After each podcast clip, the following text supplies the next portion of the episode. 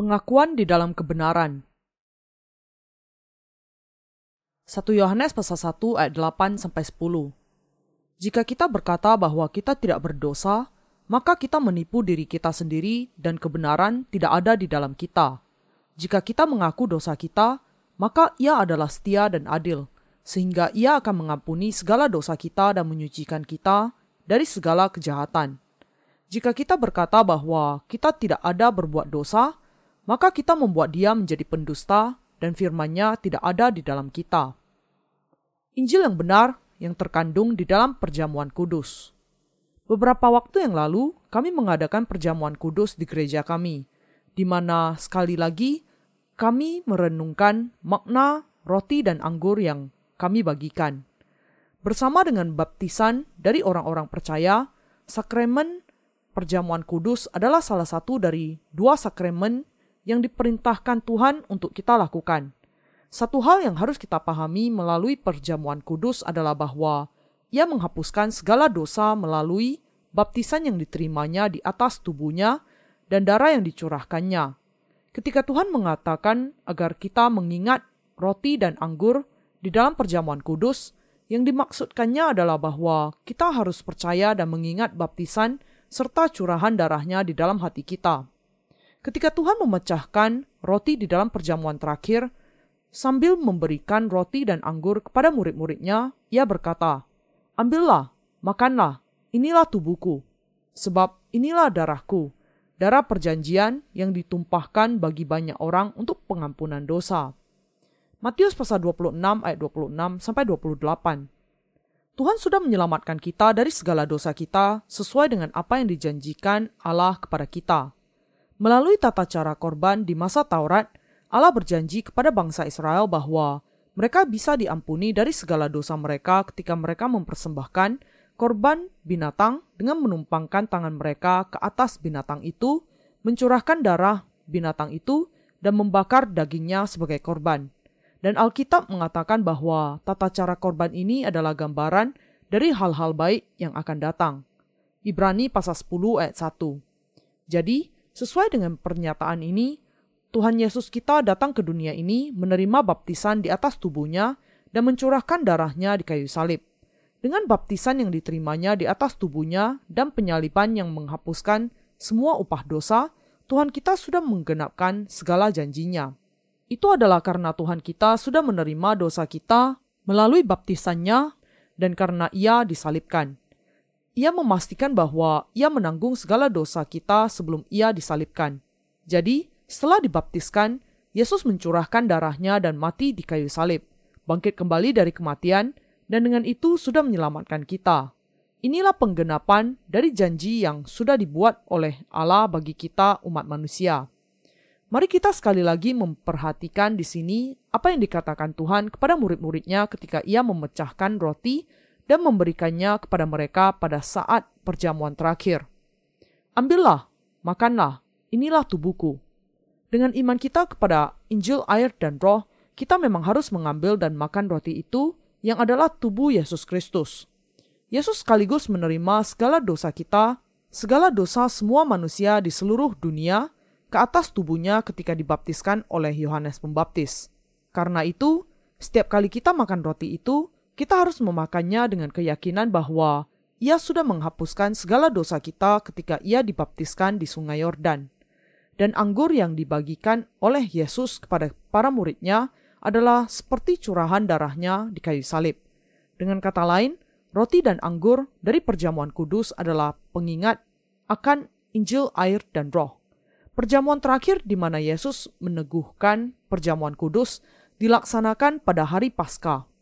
Tuhan Yesus menggenapkan janji keselamatan Allah yang terkandung di dalam tata cara Paskah. Alkitab menjelaskan, sebab anak domba Paskah kita juga telah disembelih, yaitu Kristus.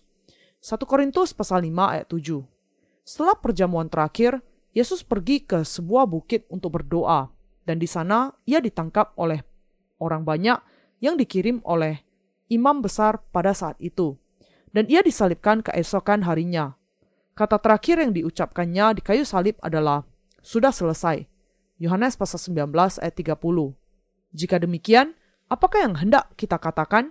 Apakah Allah tidak adil? Mustahil. Roma pasal 9 ayat 14. Yesus sudah menggenapi segala kebenaran dengan baptisan dan curahan darahnya. Matius pasal 3 ayat 15. Bagi saya dan kita semua, Tuhan kita menanggung kutuk atas dosa-dosa dengan dibaptiskan dan mencurahkan darahnya. Inilah sebabnya dia tertikam oleh karena pemberontakan kita. Dia diremukkan oleh karena kejahatan kita.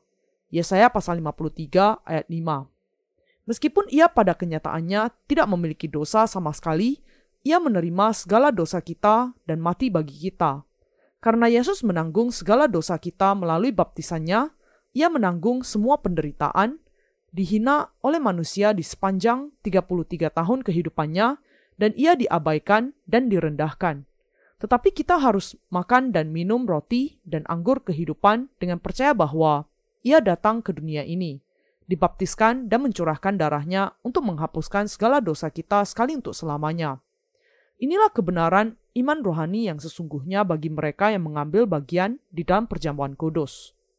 Dengan demikian, ketika kita mengambil bagian di dalam perjamuan kudus, jangan hanya berpikir, sudah cukup lama sejak saya terakhir kali makan roti dan anggur. Tetapi kita harus makan dan minum dengan iman. Dengan kata lain, saya ingin bahwa Anda mengambil bagian di dalam setiap perjamuan kudus dengan iman yang sungguh-sungguh percaya kepada Injil, air, dan roh. Saya ingin agar kita semua memahami makna yang sebenarnya dari perjamuan kudus dan makan serta minum dengan iman.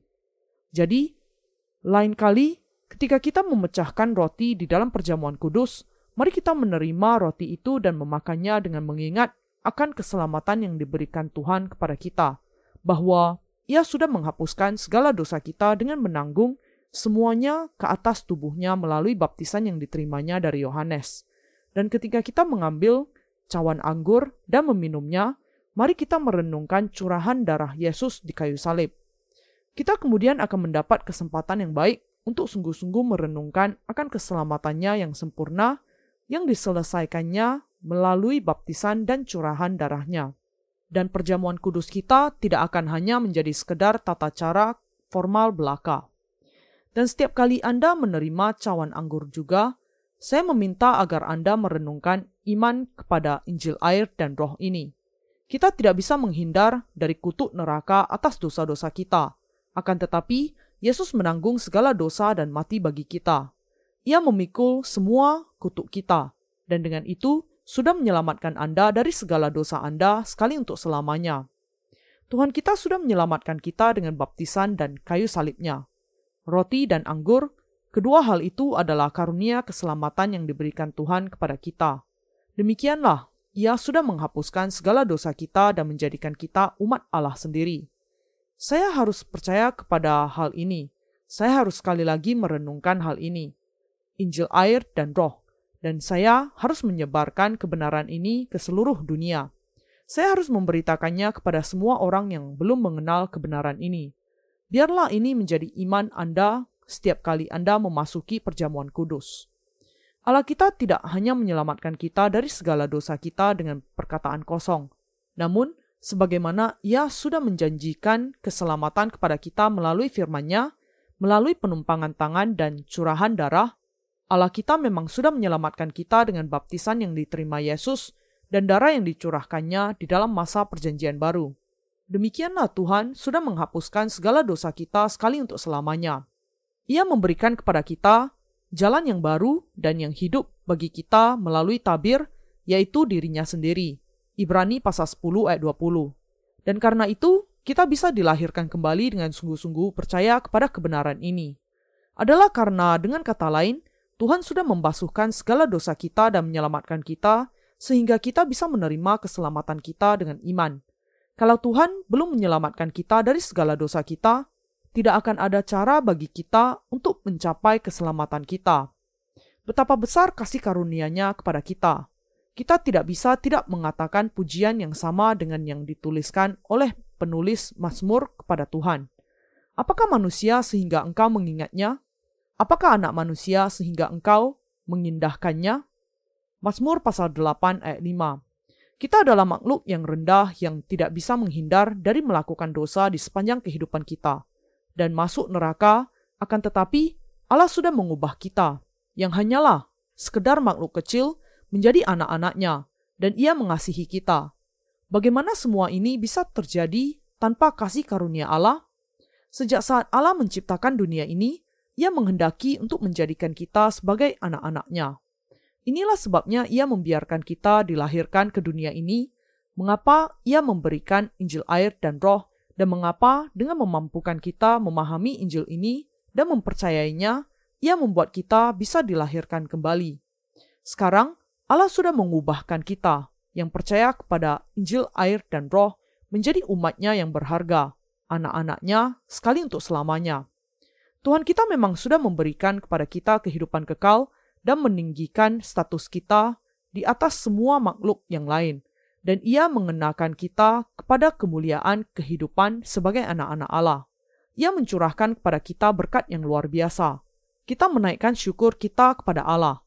Bagaimana mungkin kita bisa sepenuhnya memahami keseluruhan jangkauan dari kasih karunia-Nya yang tidak terukur, sehingga kita bisa cukup untuk memberikan syukur dan kemuliaan kepada Allah? Bagaimana mungkin kita bisa bermegah di hadapan Allah? Bagaimana kita bisa berlebihan di hadapannya? Bagaimana mungkin kita bisa dengan sombong mengatakan, "Aku seorang yang pandai dan berhikmat"? Bagaimana mungkin kita bisa mengatakan apa pun tentang firman Allah dan gereja yang dituntunnya? Bagaimana mungkin kita, meski hanya sesaat saja, menganggap bahwa Injil yang benar itu hanyalah sekedar sesuatu yang lebih rendah dibandingkan dengan pemikiran kita sendiri?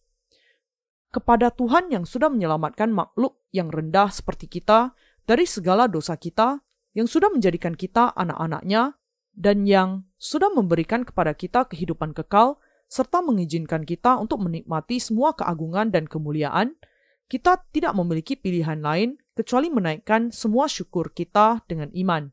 Karena itu, kita harus taat kepada Allah dengan iman mengikuti Tuhan dengan iman, dan saat kita mengikuti Dia, kita harus menerima pemeliharaan yang berharga dari Allah dengan iman.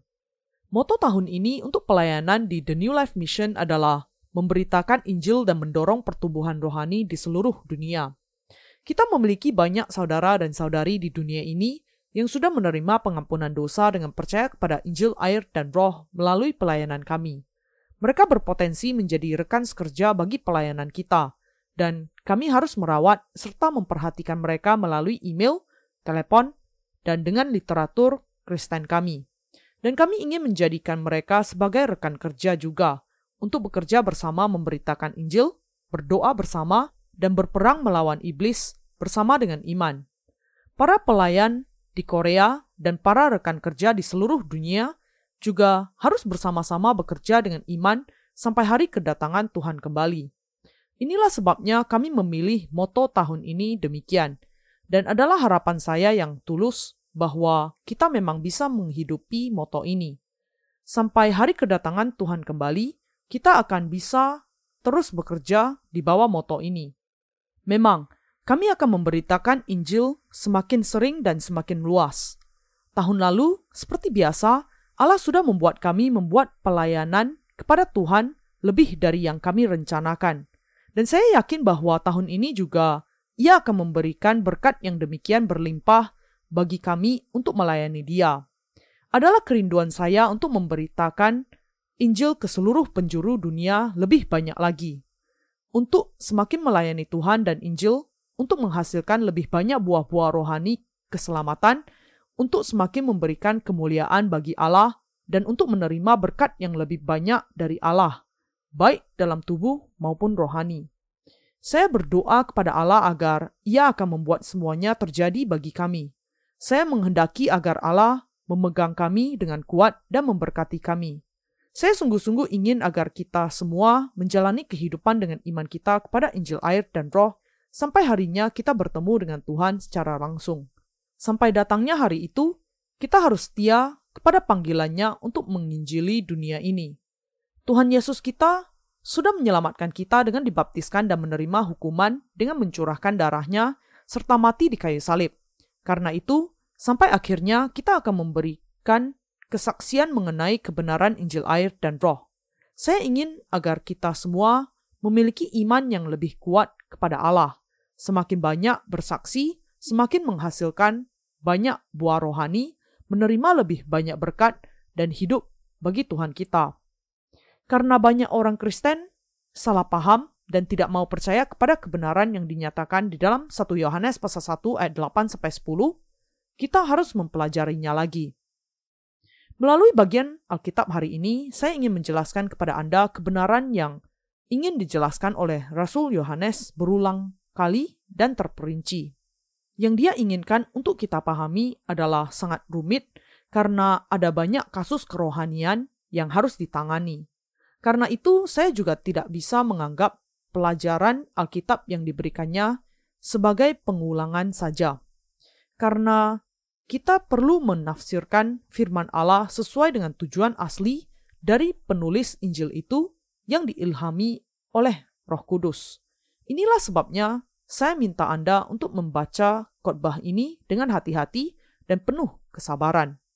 Sekarang juga Roh Allah berdiam di dalam hati mereka yang percaya kepada Injil air dan Roh.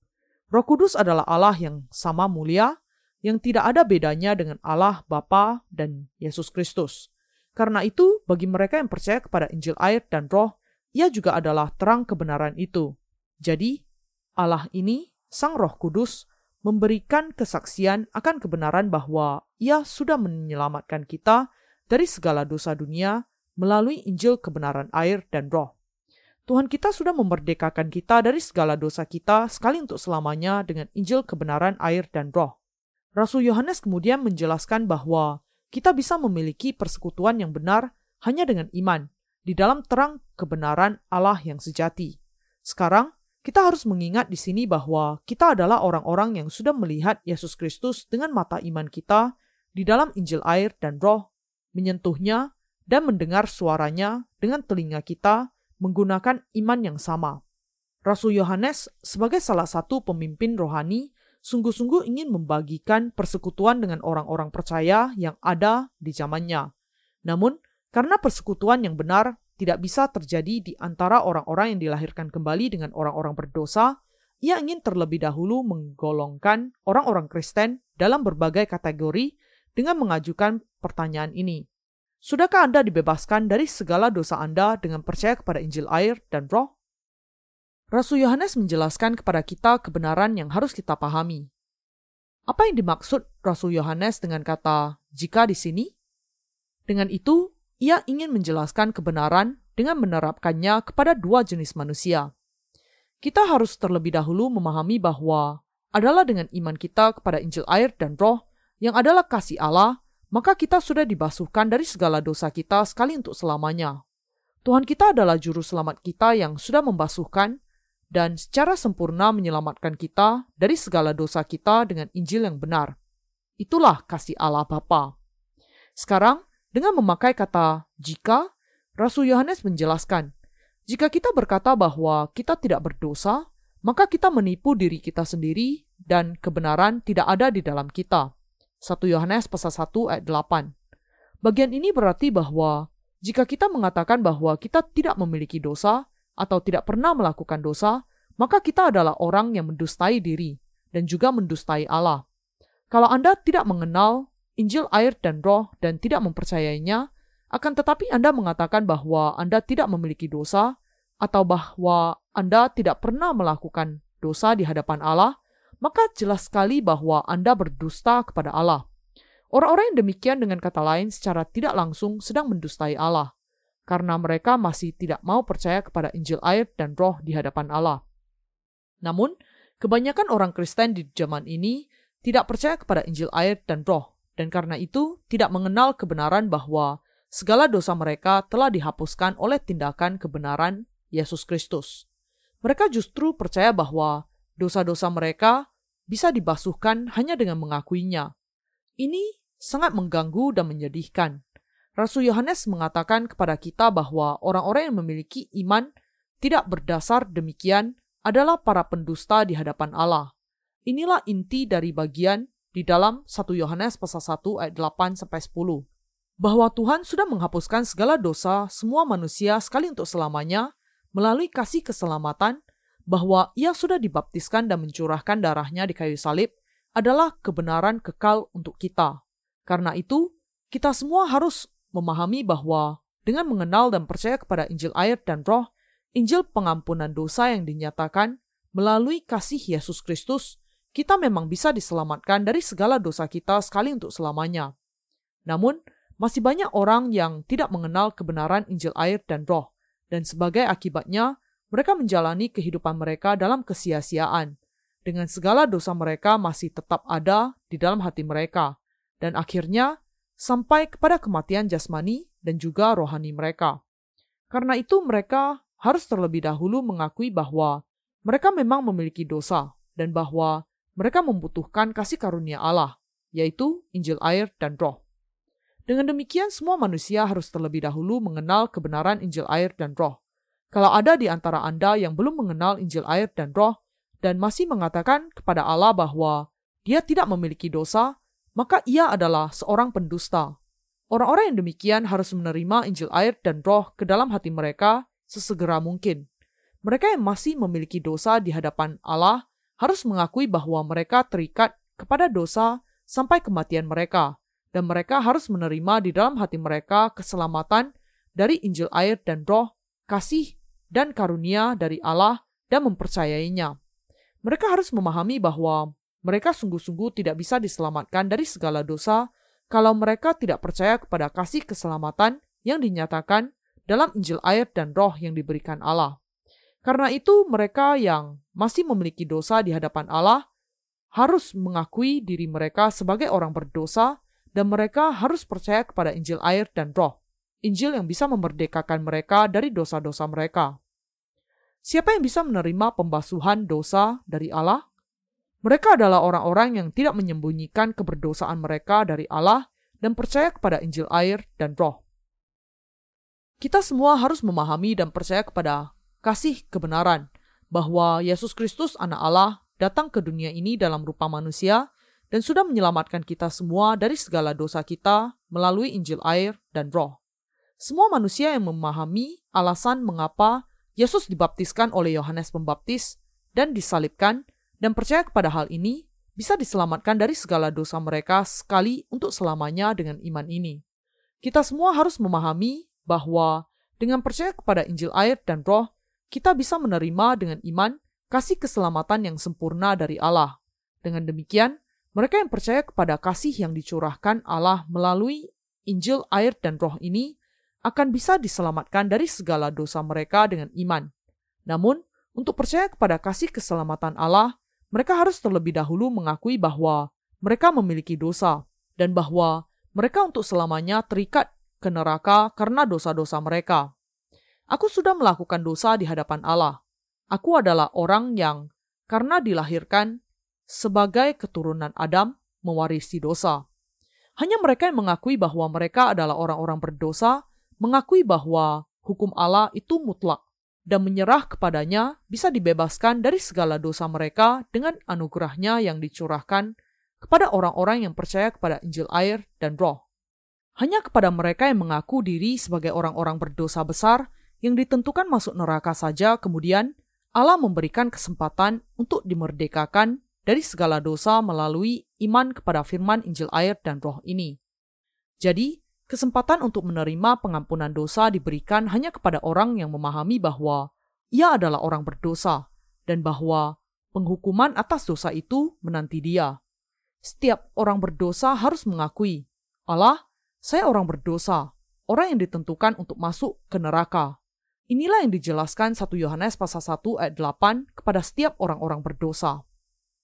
Apakah makna dari 1 Yohanes pasal 1 ayat 9? Apa arti ayat ini ketika kita mengaplikasikannya kepada orang-orang berdosa?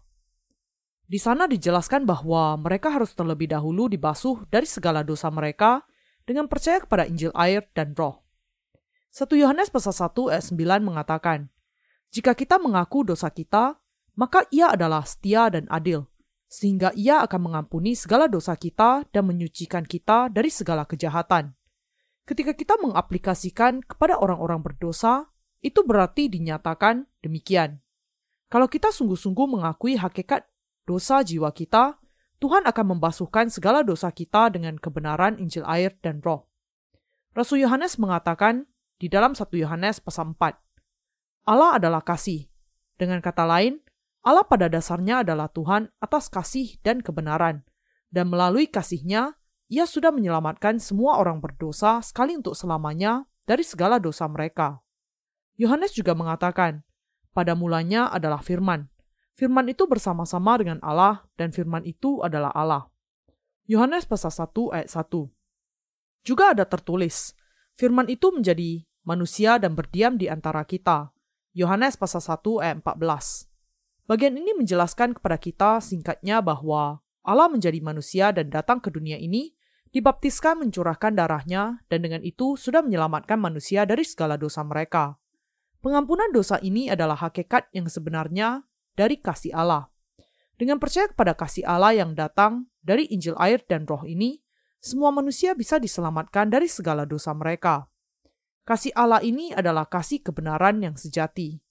2 Tesalonika pasal 2 ayat 10. Dalam Roma pasal 5 ayat 19 ada tertulis bahwa karena ketidaktaatan seseorang, maka manusia menjadi berdosa. Bagian ini berarti bahwa karena semua manusia, biar bagaimanapun, maksud hatinya dilahirkan di dalam keberdosaan sejak kelahiran mereka di dunia ini, maka ini menjadikan mereka orang-orang berdosa yang tidak bisa, tidak melakukan dosa sepanjang kehidupan mereka. Singkatnya, tidak seorang pun yang bisa mengatakan, "Aku tidak memiliki dosa," kecuali kalau ia sudah dibasuhkan dari segala dosanya dengan percaya kepada kuasa Injil air dan Roh. Namun, ada orang-orang yang berani mengatakan, "Aku tidak memiliki dosa," meskipun mereka tidak memiliki iman kepada Injil yang benar. Bagi mereka yang meski demikian masih mengaku tidak memiliki dosa tanpa memiliki iman kepada Injil air dan Roh, Tuhan mengatakan bahwa kasih kebenaran Allah tidak bisa masuk ke dalam hati mereka. Kalau Anda mengatakan kepada Allah bahwa Anda tidak memiliki dosa, meski sebenarnya ada dosa di dalam hati Anda, bagaimana mungkin kasih Allah bisa masuk ke dalam hati yang demikian? Alkitab menjelaskan kepada kita bahwa kasih dan kebenaran Allah tidak bisa masuk ke dalam hati mereka yang tidak memiliki pemahaman akan Injil kebenaran, air, dan roh, akan tetapi masih mengatakan kepada Allah bahwa mereka tidak memiliki dosa. Kasih karunia-Nya hanya diberikan ke dalam hati orang-orang berdosa yang mau mengaku kepada Allah bahwa mereka memiliki dosa, dengan mengizinkan Injil air dan roh, kebenaran pengampunan dosa bagi mereka. Di sini, kita harus berhati-hati dalam memperhatikan kata jika yang dipakai oleh Rasul Yohanes. Tuhan kita memberikan keselamatan pengampunan dosa yang benar hanya kepada mereka yang mau mengaku kepadanya secara berterus terang bahwa mereka memang orang-orang berdosa. Karena Allah itu setia kepada semua, dan Ia itu adil, Ia sudah datang kepada kita di dunia ini dengan Injil, air, dan Roh untuk membasuhkan segala dosa kita. Jadi, Allah mengatakan kepada mereka yang memiliki dosa di hadapan Allah, dan kepada mereka yang tidak mendustai hati mereka sendiri, tetapi yang membuat pengakuan yang benar. Ia akan memberikan berkat keselamatan yang akan membasuhkan mereka dari segala ketidakbenaran mereka. Karena itu, semua orang berdosa yang masih tidak mengenal Injil air dan roh harus berdoa demikian. Allah, saya sudah melakukan dosa ini terhadap engkau, dan karena dosa yang saya warisi dari leluhur saya, Adam dan Hawa, saya tidak bisa tidak melakukan dosa senantiasa sepanjang kehidupan saya. Allah, saya mengakui kepadamu bahwa saya tidak memiliki pilihan lain kecuali terikat kepada neraka sesuai dengan hukummu. Selamatkanlah saya yang terikat kepada neraka ini dari segala dosa saya. Kepada mereka yang dengan demikian mengakui dosa kepada Allah dan meminta keselamatan yang penuh, kasih karunia darinya, ia akan memberikan kebenaran keselamatan yang sudah dipersiapkannya bagi mereka. Untuk menyelamatkan semua orang berdosa dari segala dosa mereka, Allah menjadi manusia untuk sementara waktu. Ia adalah Yesus Kristus. Ia sudah menggenapkan kebenaran Allah dengan dibaptiskan oleh Yohanes dan dengan memikul semua kutuk atas dosa dunia ke kayu salib dan mencurahkan darahnya yang berharga itu. Yesus datang untuk menyelamatkan manusia dari segala dosa mereka. Tuhan sudah memberikan keselamatannya yang sempurna kepada barang siapa yang percaya kepada kebenaran ini. Karena anugerah keselamatan yang diberikan Allah kepada manusia adalah kebenaran yang sudah datang dalam rupa Injil air dan roh, dengan percaya kepada kebenaran ini, setiap orang berdosa harus menerima pengampunan dosa dari Allah dan menaikkan pujian kepadanya. Karena itu, kita semua harus mengakui segala dosa kita dan diselamatkan dari segala dosa kita di dalam Injil air dan roh. Bagaimana tepatnya kebenaran Allah sebagai setia dan adil diterima di dalam hati kita? Itu harus dipahami sebagai Injil air dan roh yang sudah membasuhkan segala dosa kita. 1 Yohanes pasal 1 ayat 9 menegaskan, Jika kita mengaku dosa kita, maka ia adalah setia dan adil, sehingga ia akan mengampuni segala dosa kita dan menyucikan kita dari segala kejahatan. Di sini kata setia dan adil berbicara mengenai kebenaran bahwa Tuhan kita bukan hanya menanggung segala dosa dunia ini, sekali untuk selamanya dengan dibaptiskan oleh Yohanes Pembaptis, tetapi juga dengan menggantikan kita memikul penghukuman di kayu salib sekali untuk selamanya, dia dengan setia menggenapi janjinya kepada mereka yang percaya kepadanya. Singkatnya, Tuhan kita menggenapi segala kebenaran Allah sekaligus melalui Injil air dan roh. Bahwa Allah itu setia berarti bahwa ia penuh dengan kebenaran dan bukannya palsu tetapi sejati. Itu berarti bahwa Allah mengatakan, kasihku yang sudah menyelamatkan engkau dari segala dosa itu penuh dengan kebenaran, tidak pernah palsu. Aku sudah membebaskan kamu semua secara penuh sebagaimana yang aku janjikan melalui perjanjian lama. Aku mengutus anakku, Yesus Kristus sebagai juru selamatmu, dan membuat dia menerima baptisan dari Yohanes untuk menanggung segala dosamu, dan ia sudah dihukum bagi semua dosamu dengan mencurahkan darahnya yang berharga untuk menggenapi janji keselamatan dariku tanpa terkecuali. Ketika orang-orang berdosa mengakui kepada Allah bahwa mereka adalah orang-orang berdosa, menerima kasihnya dan mengakui kebenaran Injil air dan roh, maka mereka bisa diselamatkan dari segala dosa mereka. Alkitab mengatakan, sebab upah dosa ialah maut. Tetapi karunia Allah ialah hidup yang kekal dalam Kristus Yesus Tuhan kita. Roma pasal 6 ayat 23. Barang siapa menerima karunia Allah dengan hati yang percaya, sudah datang kepada kehidupan kekal. Tetapi barang siapa menolak karunia ini, Injil air dan roh, akan dibuang ke dalam neraka untuk kutuk yang kekal. Dalam hal inilah kasih Allah dinyatakan di tengah-tengah kita, yaitu bahwa Allah telah mengutus anaknya yang tunggal ke dalam dunia, supaya kita hidup olehnya. 1 Yohanes pasal 4 ayat 9. Kasih Allah dinyatakan melalui tindakan kebenaran anaknya, yang ditunjukkan dalam baptisan yang diterima Yesus Kristus dari Yohanes Pembaptis dan kebenaran akan curahan darahnya di kayu salib. Bagi siapa 1 Yohanes pasal 1 ayat 8 sampai 10 kemudian diterapkan? Kepada siapa bagian di dalam 1 Yohanes pasal 1 ayat 8 sampai 10 ditunjukkan kebenaran itu berbicara kepada dua jenis manusia, mereka yang percaya kepada Injil air dan roh dan yang tidak. Apakah bagian ini kemudian juga membicarakan mengenai mereka yang sudah menerima pengampunan dosa atau hanya berbicara kepada mereka yang belum menerima pengampunan dosa? Bagian ini dikatakan Allah kepada kedua jenis manusia itu, kepada mereka yang sudah menerima pengampunan dosa dan yang belum menerimanya. 1 Yohanes pasal 1 ayat 9 mengatakan, Jika kita mengaku dosa kita, maka ia adalah setia dan adil, sehingga ia akan mengampuni segala dosa kita dan menyucikan kita dari segala kejahatan.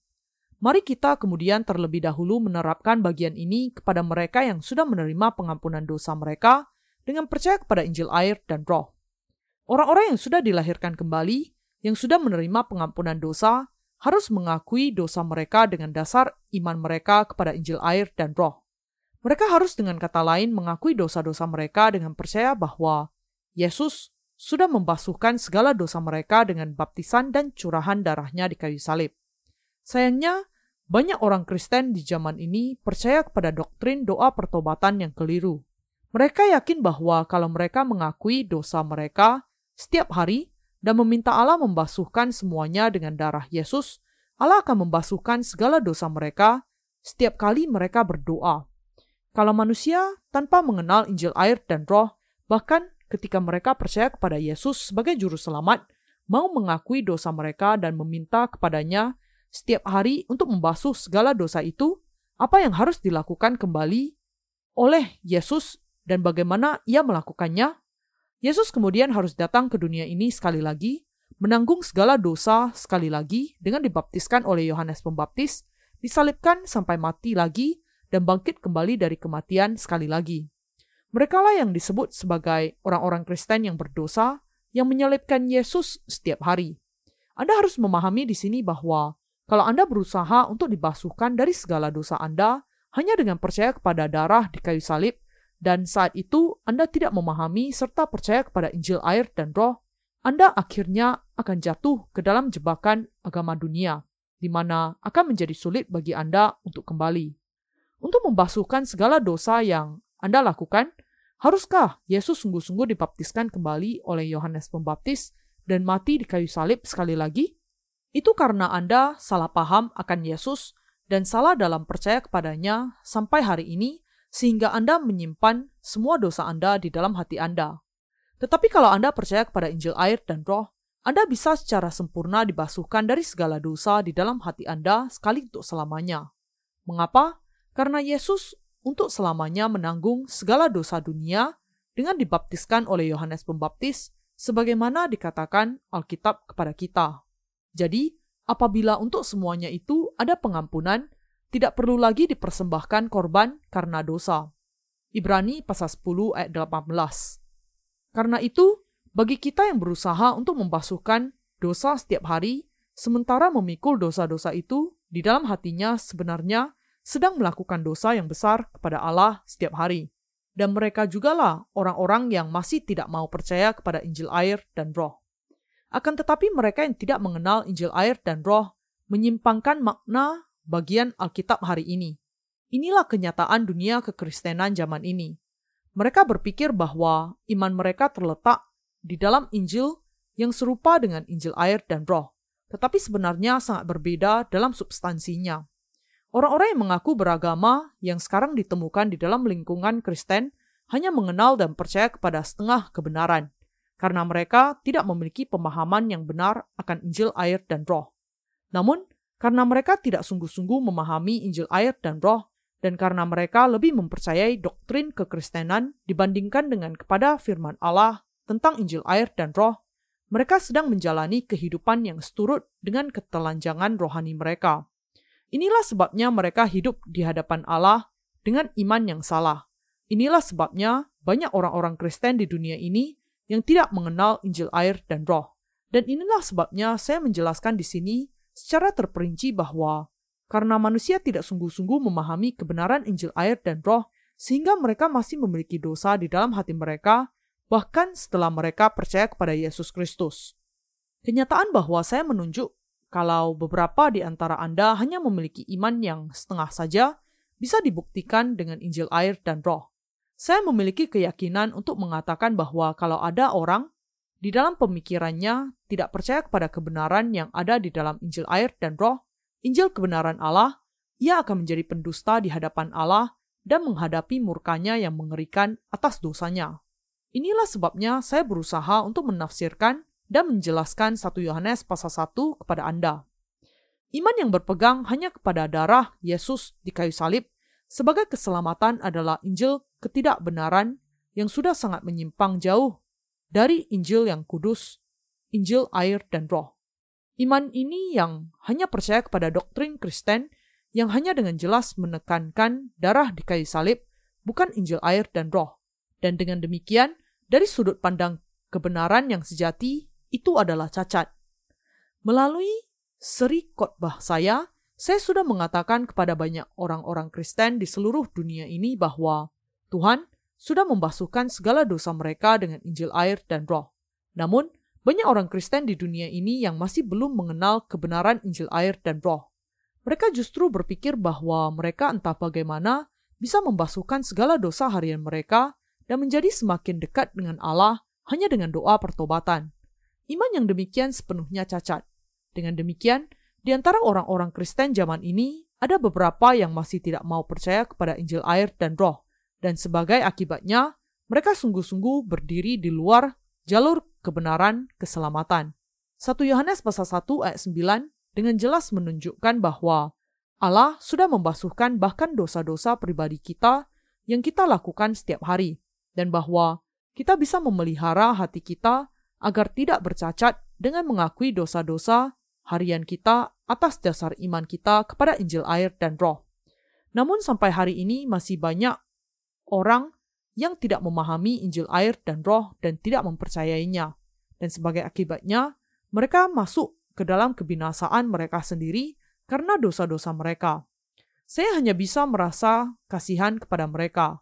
Orang-orang yang demikian secara keliru percaya bahwa sementara mereka hidup di dalam dunia dan sampai mereka mati, mereka bisa membasuhkan dosa-dosa mereka hanya dengan doa pertobatan demikian. Allah, ampunilah saya. Sekali lagi, saya sudah melakukan kesalahan hari ini. Saya berdosa sejak pagi hari sampai bahkan tepat sebelum ibadah penyembahan ini. Ampunilah saya. Ketika mereka menaikkan doa pertobatan yang demikian, mereka percaya bahwa segala dosa mereka dibasuhkan ketika mereka berdoa. Tetapi kenyataannya, dosa-dosa mereka masih tetap tinggal di dalam hati mereka.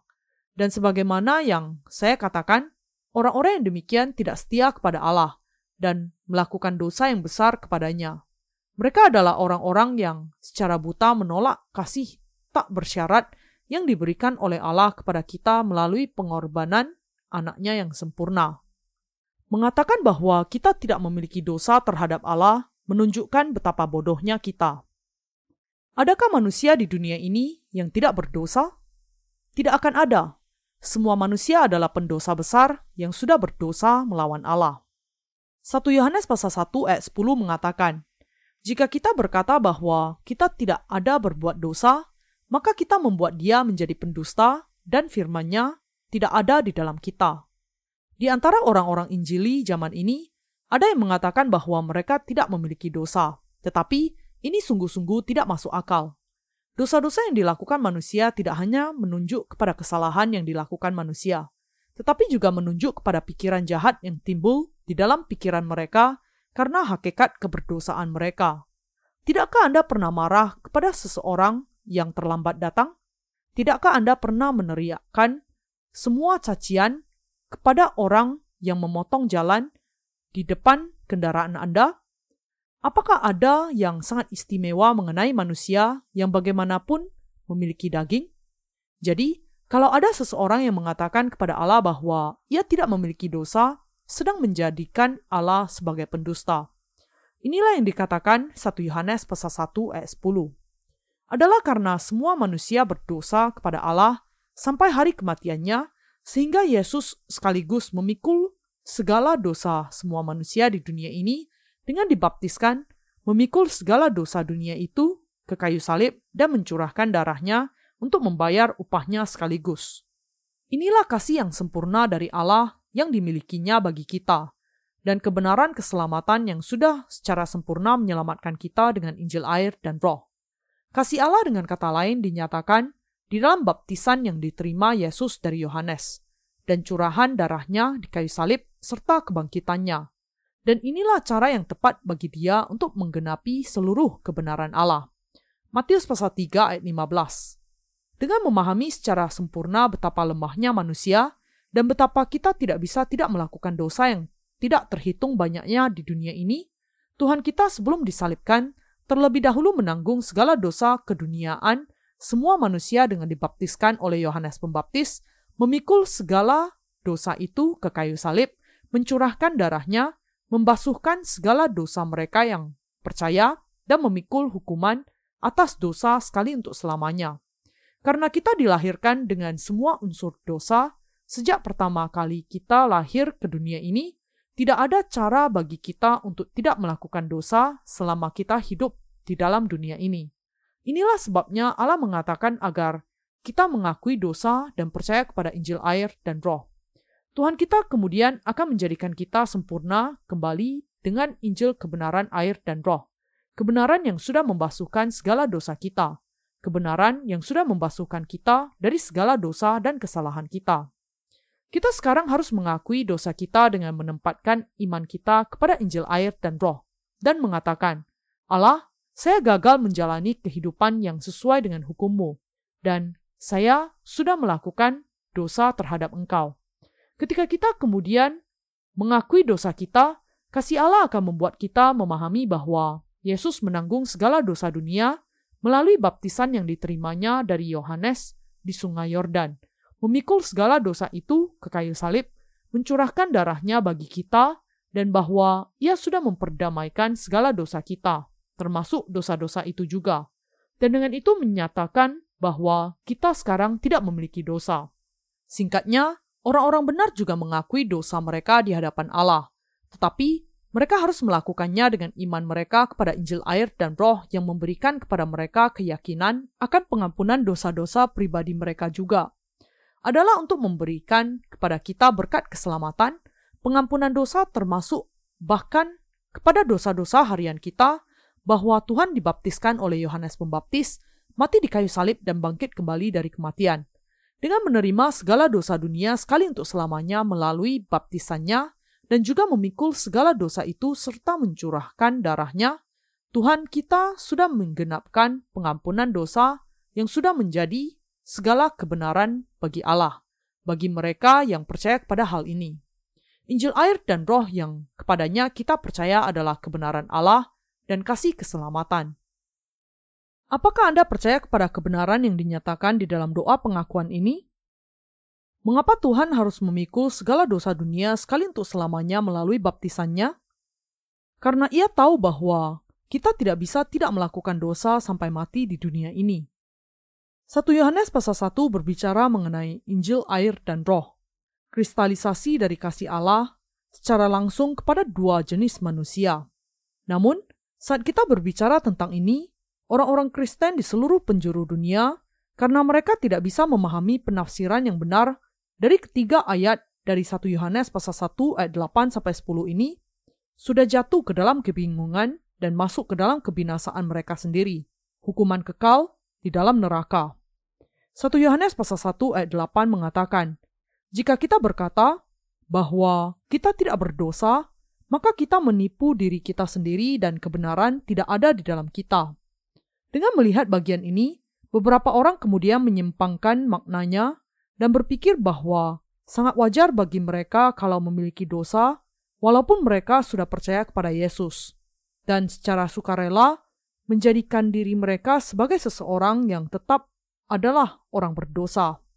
Tetapi adalah sangat salah untuk salah paham dan salah percaya seperti ini. Apakah benar kalau ada orang yang masih memiliki dosa di dalam hati bahkan setelah ia percaya kepada Injil air dan roh? Tidak, itu tidak benar. Barang siapa mengaku mengenal Injil air dan roh, namun pada saat yang sama mengatakan masih memiliki dosa di dalam hatinya, bukanlah seseorang yang sungguh-sungguh percaya kepada kebenaran keselamatan. Tetapi mereka yang percaya kepada Injil kebenaran air dan roh, sudah secara sempurna menghapuskan segala dosa mereka dan menjadi orang-orang yang memang sudah dibasuhkan. Dengan demikian, 1 Yohanes pasal 1 bisa diterapkan dalam kehidupan dua macam manusia. Rasul Yohanes menggunakan kata jika di sini karena ada banyak orang yang datang ke gereja Allah dan berpura-pura menjadi orang-orang benar meskipun mereka tidak mengenal Injil air dan roh dan belum menerima pengampunan dosa. Dan ia sungguh-sungguh ingin agar mereka menerima pengampunan dosa dengan percaya kepada kebenaran Injil air dan roh. Ini juga keinginan yang tulus bagi semua manusia di seluruh dunia. Mari kita menguji 1 Yohanes pasal 8 sampai 10 dengan lebih terperinci. Bagaimana seharusnya kita mengakui dosa kita? Kita harus mengakui dosa kita dengan menempatkan iman kita kepada Injil air dan Roh.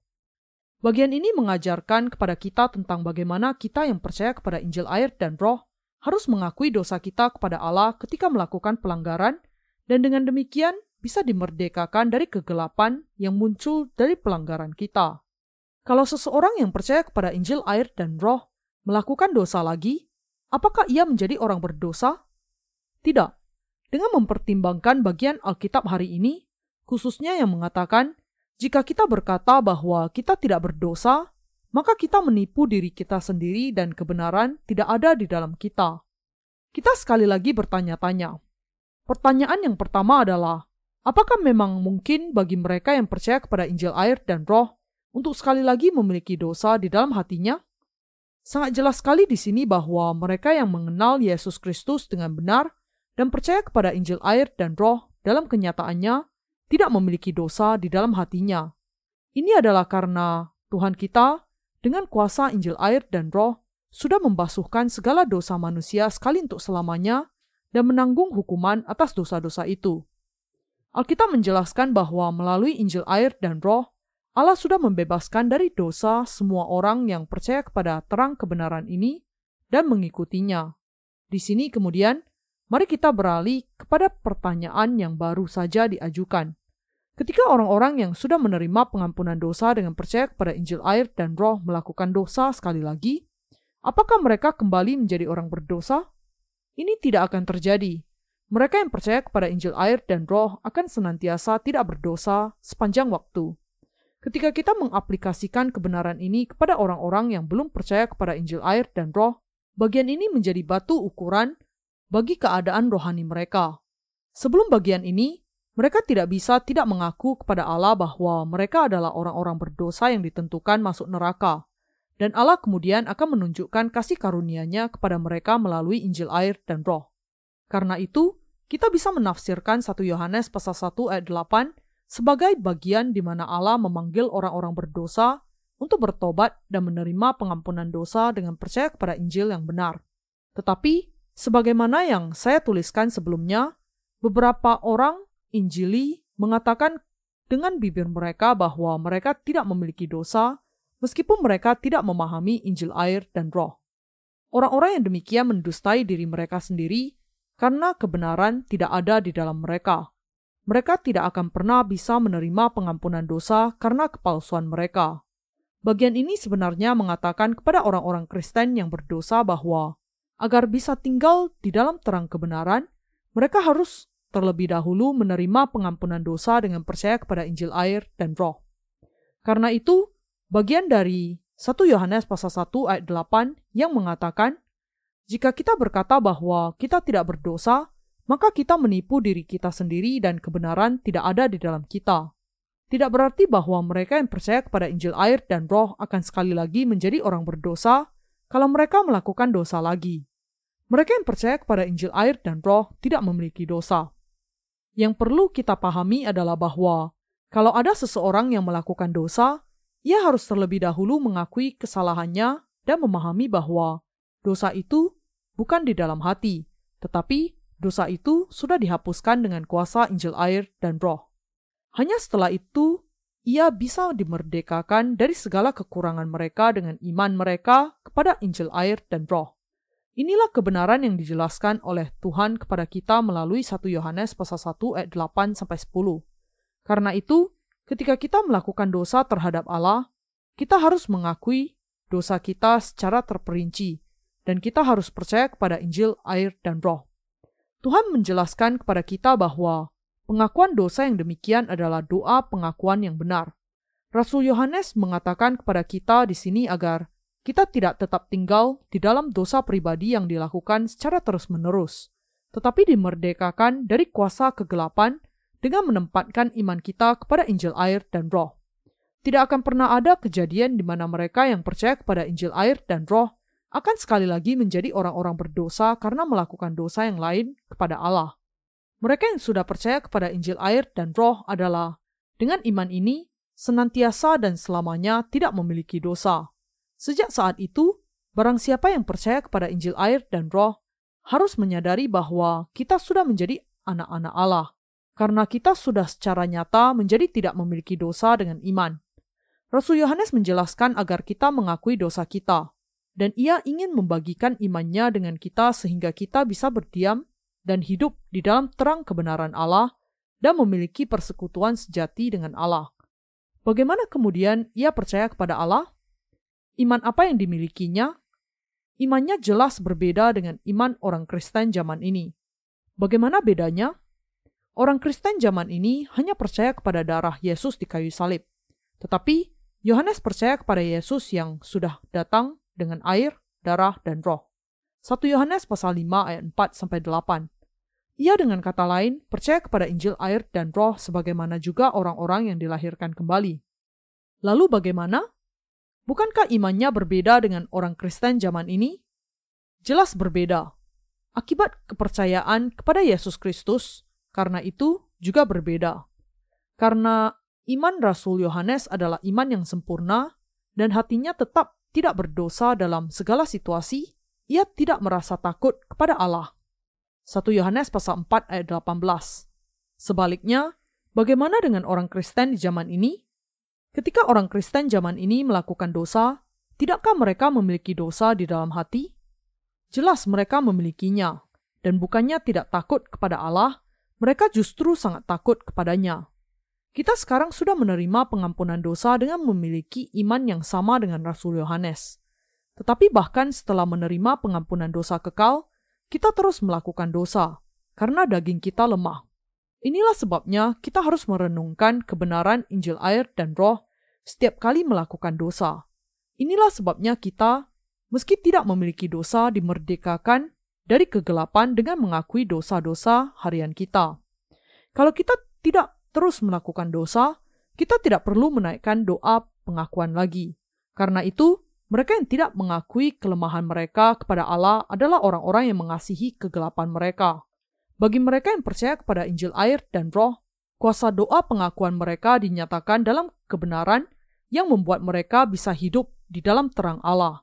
Doa pengakuan yang demikian dari orang-orang benar semakin menyatakan kuasa Injil air dan roh.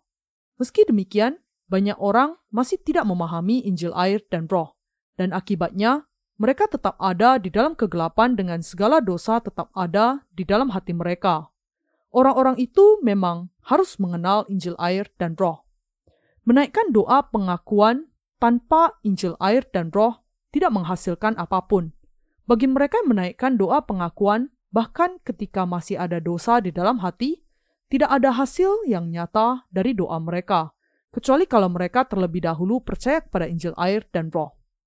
Ketika mereka yang percaya kepada Injil air dan roh melakukan dosa, apakah itu berarti hati mereka memiliki dosa lagi? Tidak, mereka tetap tidak memiliki dosa.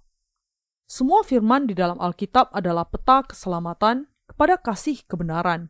Kalau kita hanya membaca satu ayat saja dari 1 Yohanes pasal 1 ayat 8 yang mengatakan, jika kita berkata bahwa kita tidak berdosa, maka kita menipu diri kita sendiri. Kita mungkin berpikir bahwa sangat benar kalau orang Kristen senantiasa memiliki dosa. Tetapi yang dikatakan Allah di sini adalah bahwa bukan hanya oleh darah di kayu salib saja dosa-dosa kita dihapuskan. Bagi kita semua adalah dengan percaya kepada firman Injil air dan roh, pernyataan kasih Allah yang membuat segala dosa kita dihapuskan dengan kuasa Injil ini. Bahkan kalau kita melakukan dosa, karena Tuhan sudah menghapuskan segala dosa kita, kita yang percaya akan tetap tidak berdosa. Jadi, Anda harus terlebih dahulu memahami dan percaya bahwa Tuhan sudah menjadikan Anda tidak memiliki dosa. Kita kemudian perlu mempertimbangkan di sini mengenai bagaimana kita perlu memahami dan menjelaskan bagian Alkitab hari ini. Bagian dari 1 Yohanes pasal 1 ayat 8 sampai 10 hanya bisa dijelaskan di dalam kerangka iman yang percaya kepada Injil air dan roh.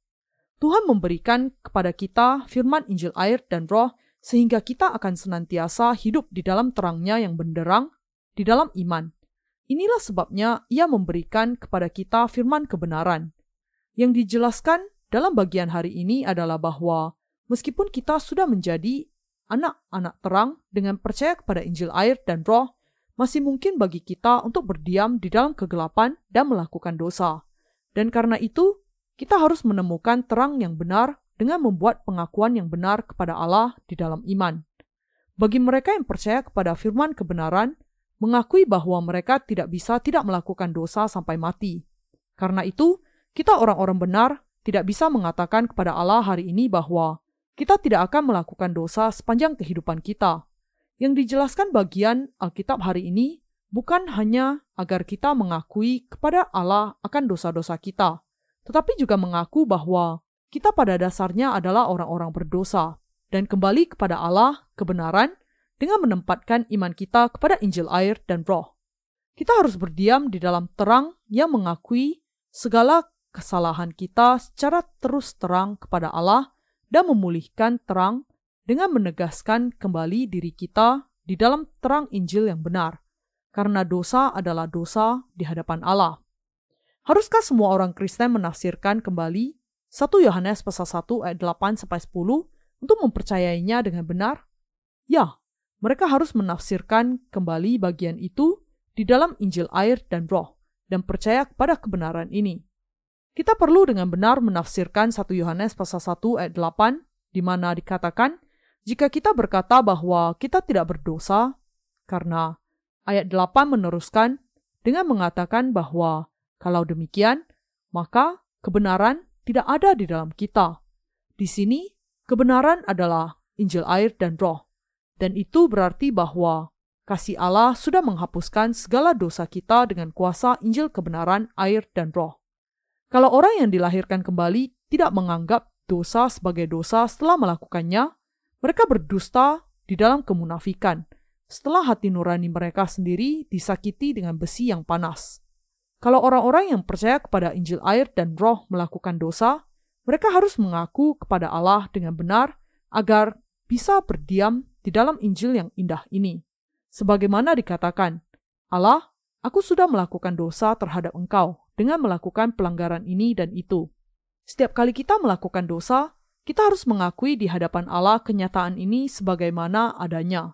Kita kemudian bisa dimerdekakan dari segala dosa kita karena Tuhan yang Maha Kuasa akan memberikan kesaksian kepada kita dengan firman-Nya bahwa Ia sudah membasuhkan segala dosa kita dengan kuasa Injil air dan roh yang diberikannya kepada kita.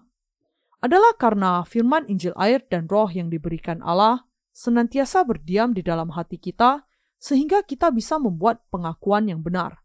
Kita harus ingat bahwa melalui firman Injil air dan roh yang benar ini, Allah sudah membasuhkan kita dari segala kejahatan. Dengan Injil yang benar ini, Tuhan kita sudah membasuhkan segala dosa yang kita sebagai manusia lakukan di sepanjang kehidupan kita. Pengakuan yang dibuat dengan menempatkan iman kita kepada firman ini adalah pengakuan yang benar. Pengakuan yang dibicarakan Rasul Yohanes di dalam satu Yohanes dengan kata lain tidak hanya menunjuk kepada doa pertobatan yang dibuat oleh orang-orang yang memiliki dosa di dalam hatinya. Yang harus kita pahami di sini adalah bahwa ada perbedaan yang mendasar antara pengakuan akan dosa-dosa harian oleh orang-orang yang percaya kepada Injil, air, dan Roh dengan doa pertobatan yang dinaikkan oleh orang-orang yang tidak memahami Injil air dan roh.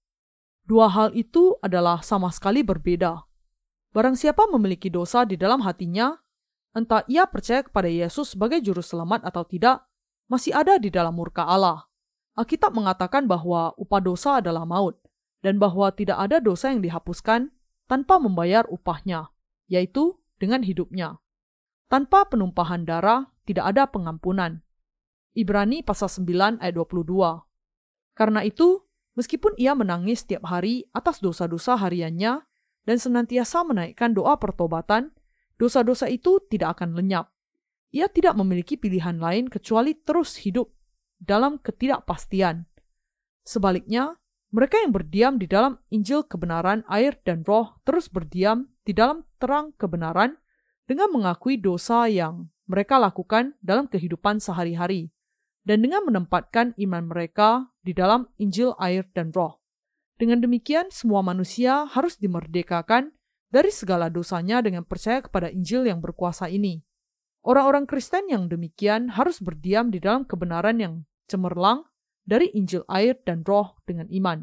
Bagi kita semua, kalau kita melakukan perbuatan jahat melawan Allah atau sesama kita, kita harus mengakuinya dan menyelesaikannya dengan iman kita kepada Injil yang benar sebelum melanjutkan kehidupan. Haruskah kita belajar membuat pengakuan yang benar kepada Allah? Ya, kita perlu belajar membuat pengakuan yang benar di dalam Injil air dan roh. Ada beberapa jenis dosa yang kita sebagai manusia lakukan kepada Allah. Pertama, perbuatan jahat yang paling besar yang dilakukan orang-orang berdosa kepada Allah adalah dosa tidak mau percaya kepada Injil air dan roh meski sudah memahaminya. Dosa ini adalah dosa menghujat roh kudus. Barang siapa yang sudah belajar mengenai firman Injil air dan roh dan memahaminya, harus mempercayainya.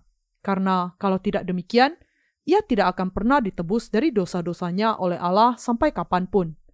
Dosa, maut yang lain yang dilakukan orang-orang berdosa tanpa sengaja adalah dosa salah paham akan Injil air dan roh dan bahkan melawannya. Ini adalah dua dosa maut yang dilakukan oleh orang-orang yang belum dilahirkan kembali. Mereka akan dibuang ke dalam neraka kecuali kalau mereka bertobat dari jalan kejahatan mereka. Jadi, merupakan hal yang sangat penting bagi mereka untuk berbalik dari jalan kejahatan mereka dan kemudian percaya kepada Injil air dan roh yang sejati.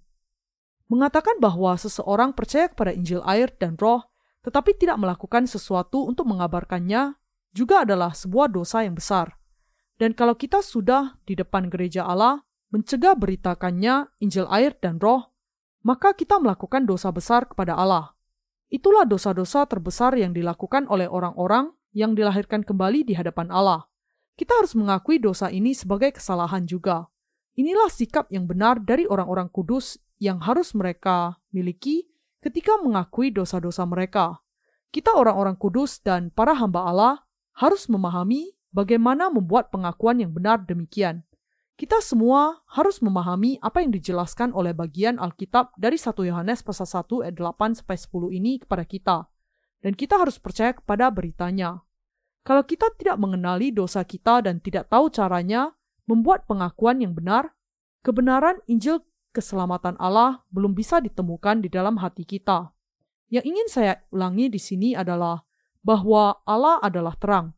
Dengan memahami bahwa Allah memang adalah terang itu sendiri, dan dengan percaya bahwa Allah itu kasih, kita perlu membuat pengakuan yang benar yang memahami semua kenyataan kegelapan yang kita lakukan itu sebagai dosa.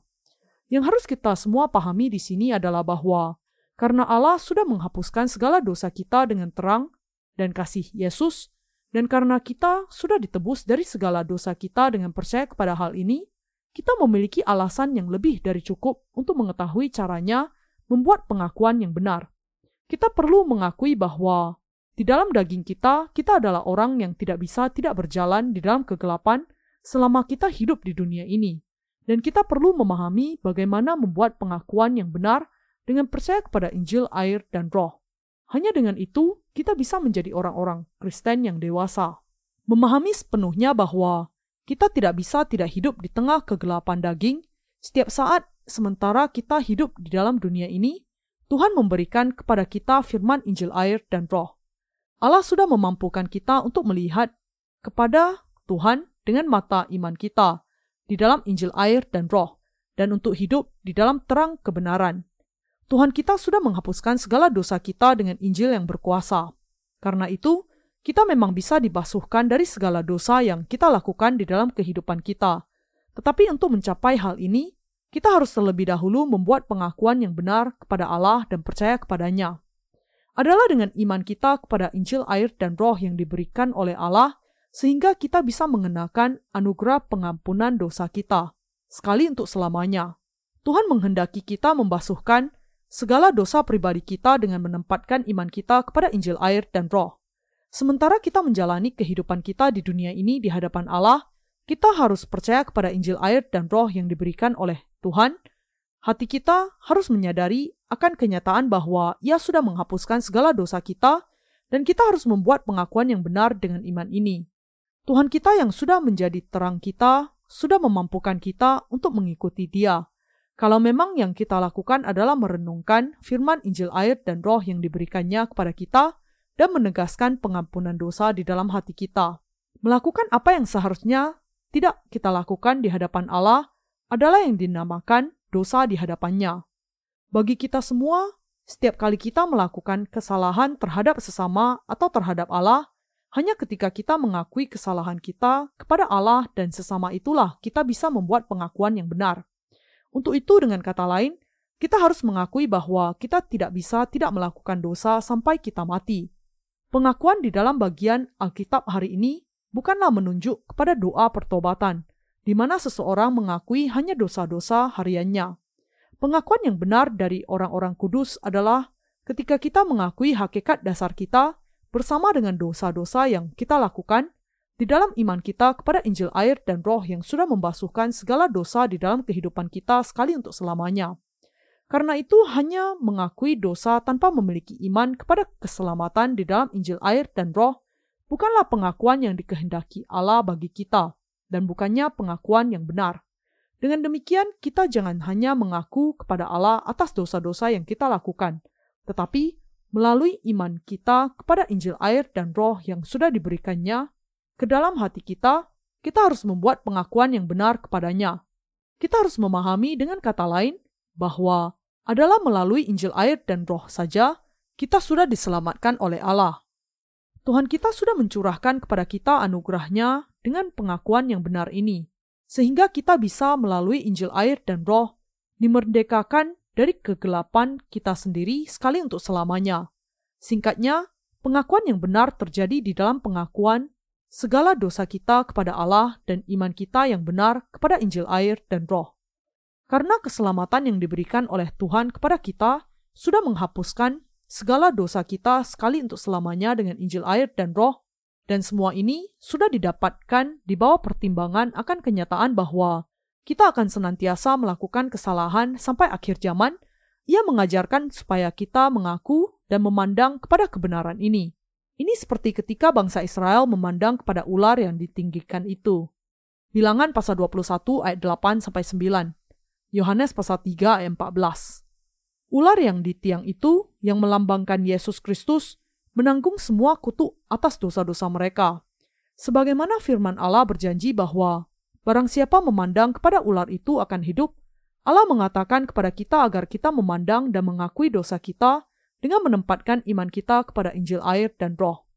Karena Tuhan sudah menghapuskan segala dosa kita dengan Injil air dan roh, dalam syarat ini setiap kali kita melakukan dosa di dalam kehidupan kita, kalau kita mengakui dosa kita, kita akan mengalami anugerah pengampunan dosa dan melihat bahwa segala dosa kita sudah dibasuhkan.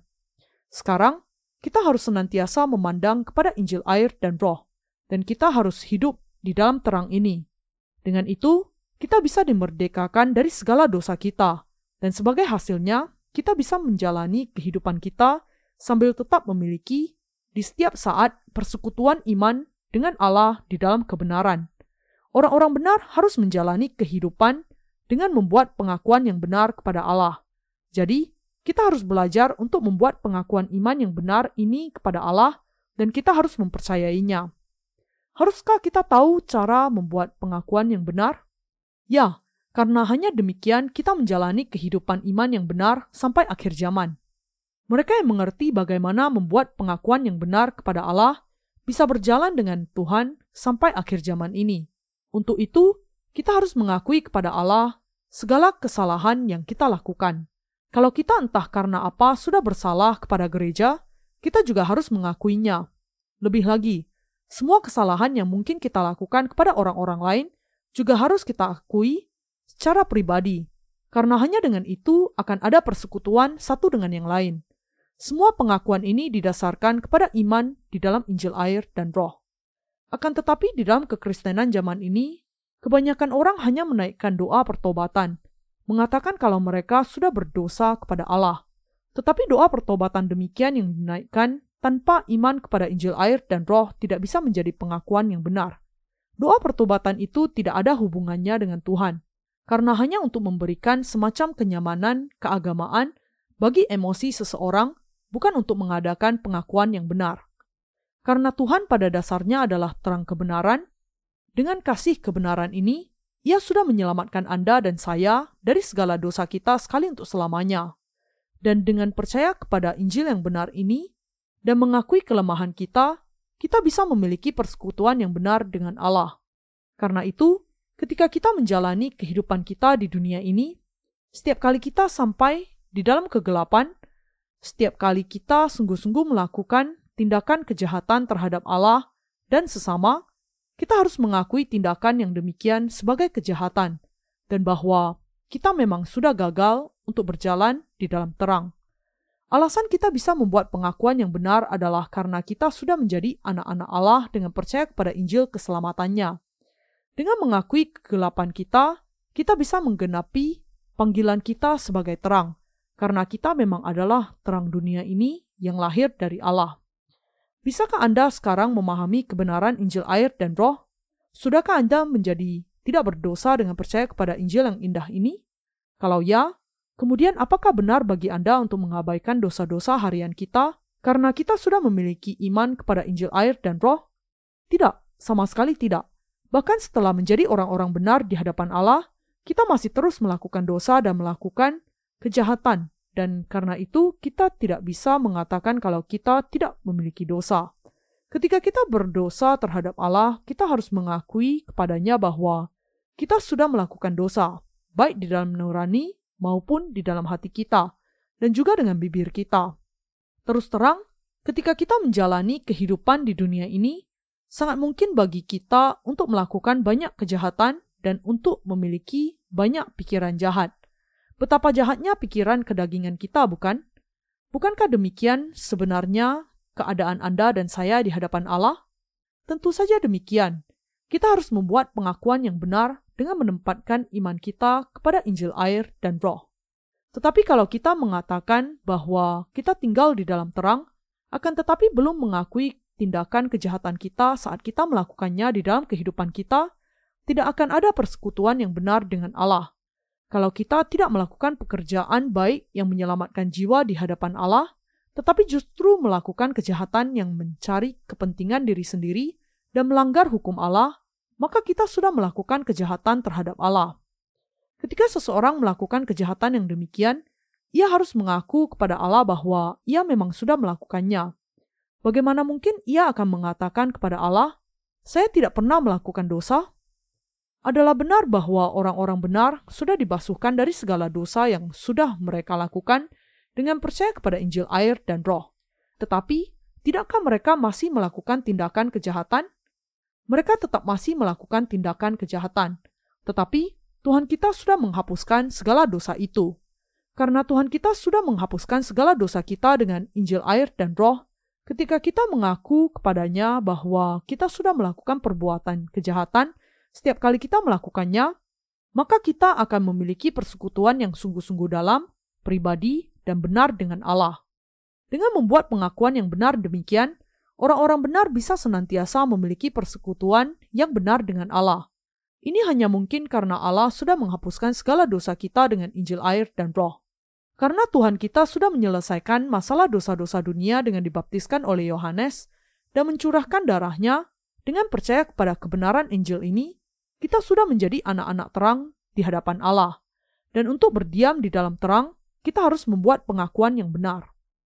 Benarkah kalau kita mengatakan tidak memiliki dosa ketika kenyataannya kita melakukan dosa? Tidak, itu berarti melakukan dosa yang lain lagi kepada Allah. Kalau meski kenyataannya kita melakukan segala macam kesalahan terhadap Allah, kita masih mengatakan kepadanya, "Aku tidak pernah melakukan dosa, aku tidak melakukan kesalahan, maka ini tidak lebih dari iman yang salah. Ketika kita sudah melakukan dosa setiap hari, dan ketika kita masih melakukan segala macam tindakan kejahatan, kita tidak bisa secara ngaur mengatakan kepada Allah bahwa kita tidak pernah melakukan dosa. Mengatakan bahwa kita tidak berdosa sementara kita melakukan dosa tidaklah lebih dari kebohongan yang memalukan dan sepenuhnya keliru. Karena itu, kita harus dengan benar melihat semua kesalahan di dalam hati kita dan mengakui semuanya dengan menempatkan iman kepada Injil air dan roh sebelum kita melanjutkan kehidupan. Hanya dengan itu kebenaran bisa berdiam di dalam hati kita, dan Injil air dan roh kemudian bisa memerintah atas kita sepanjang waktu. Sementara kita pada dasarnya tidak benar, Tuhan kita sampai selamanya benar. Tuhan sungguh-sungguh sudah menyelamatkan kita dari segala dosa kita dan menjadikan kita tidak berdosa.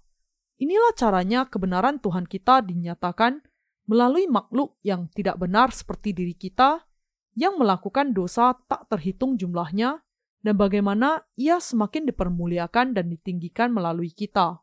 Itu adalah karena Anda dan saya pada dasarnya jahat, sehingga kita kemudian percaya kepada Tuhan.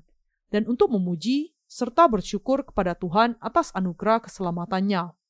Adalah karena Tuhan sudah menghapuskan segala dosa kita dan secara sempurna menyelamatkan kita dari segala dosa dunia, semuanya karena kasihnya kepada kita, sehingga kita sekarang bisa memuji Allah selamanya, dan memang akan memuji dia selamanya. Bahwa kita mengasihi Tuhan kita dan memuji dia adalah karena kasihnya begitu besar.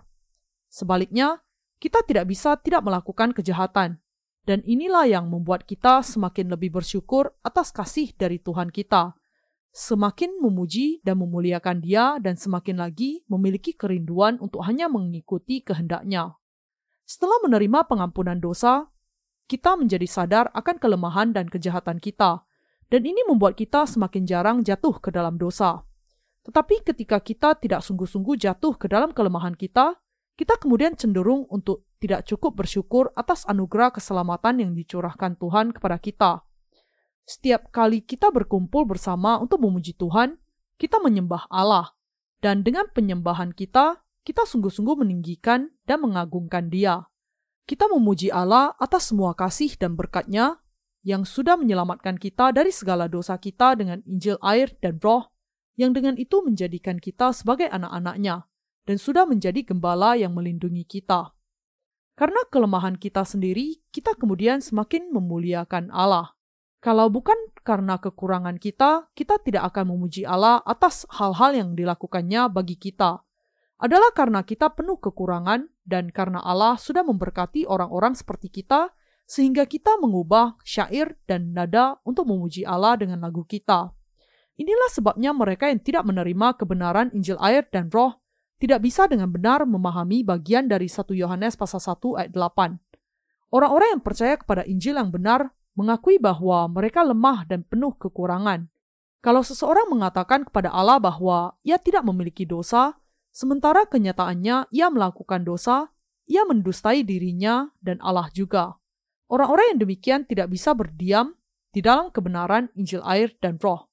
Sebaliknya, kalau Anda dan saya yang percaya kepada Injil air dan roh melakukan dosa terhadap Allah dan sesama, yang harus kita lakukan adalah mengakui bahwa kita sudah melakukan dosa lagi, dan sekali lagi memandang kepada Injil kebenaran ini dengan iman. Setiap kali kita mengakui kejahatan dan pelanggaran kita, Roh Kudus di dalam kita langsung menghibur kita. Aku sudah membasuhkan segala dosamu, termasuk dosa-dosa itu, dengan air dan roh. Karena itu, dengan iman kita kepada firman ini, kita dibasuhkan dan bisa berdiam di dalam kebenaran yang kudus. Tidak peduli apa pun yang sudah kita lakukan. Di hadapan Allah, kita tidak lebih dari pelaku kejahatan yang akan senantiasa melakukan dosa sampai kita mati. Meski demikian, Tuhan kita sudah menghapuskan segala dosa kita sekali untuk selamanya dengan Injil air dan roh. Dengan menerima baptisan dan penderitaan di kayu salib, Yesus sudah memberikan kehidupan yang benar kepada kita semua yang percaya kepada Injil yang benar. Inilah sebabnya kita harus membuat pengakuan yang benar kepada Allah dengan menempatkan iman kita kepada Injil air dan roh. Agar kita memiliki persekutuan yang benar dengan Allah, dengan kata lain, kita harus secara terus terang mengakui kepadanya segala dosa yang kita lakukan. Sudahkah jiwa Anda dikuduskan dengan iman? Dengan iman kita kepada Injil air dan roh, jiwa kita sudah dikuduskan. Bagaimanakah iman Anda sekarang? Apakah keadaan iman Anda saat ini? Sudahkah Anda menerima pengampunan dosa dengan percaya kepada Injil air dan roh? Apakah Anda memahami firman Injil air dan roh? Kalau ya, maka sekarang Anda adalah orang-orang benar di hadapan Allah. Tetapi Anda jangan lupa akan kenyataan bahwa Anda masih tidak bisa tidak melakukan dosa karena daging Anda lemah. Anda juga melakukan perbuatan jahat, dan hal itulah kegelapan.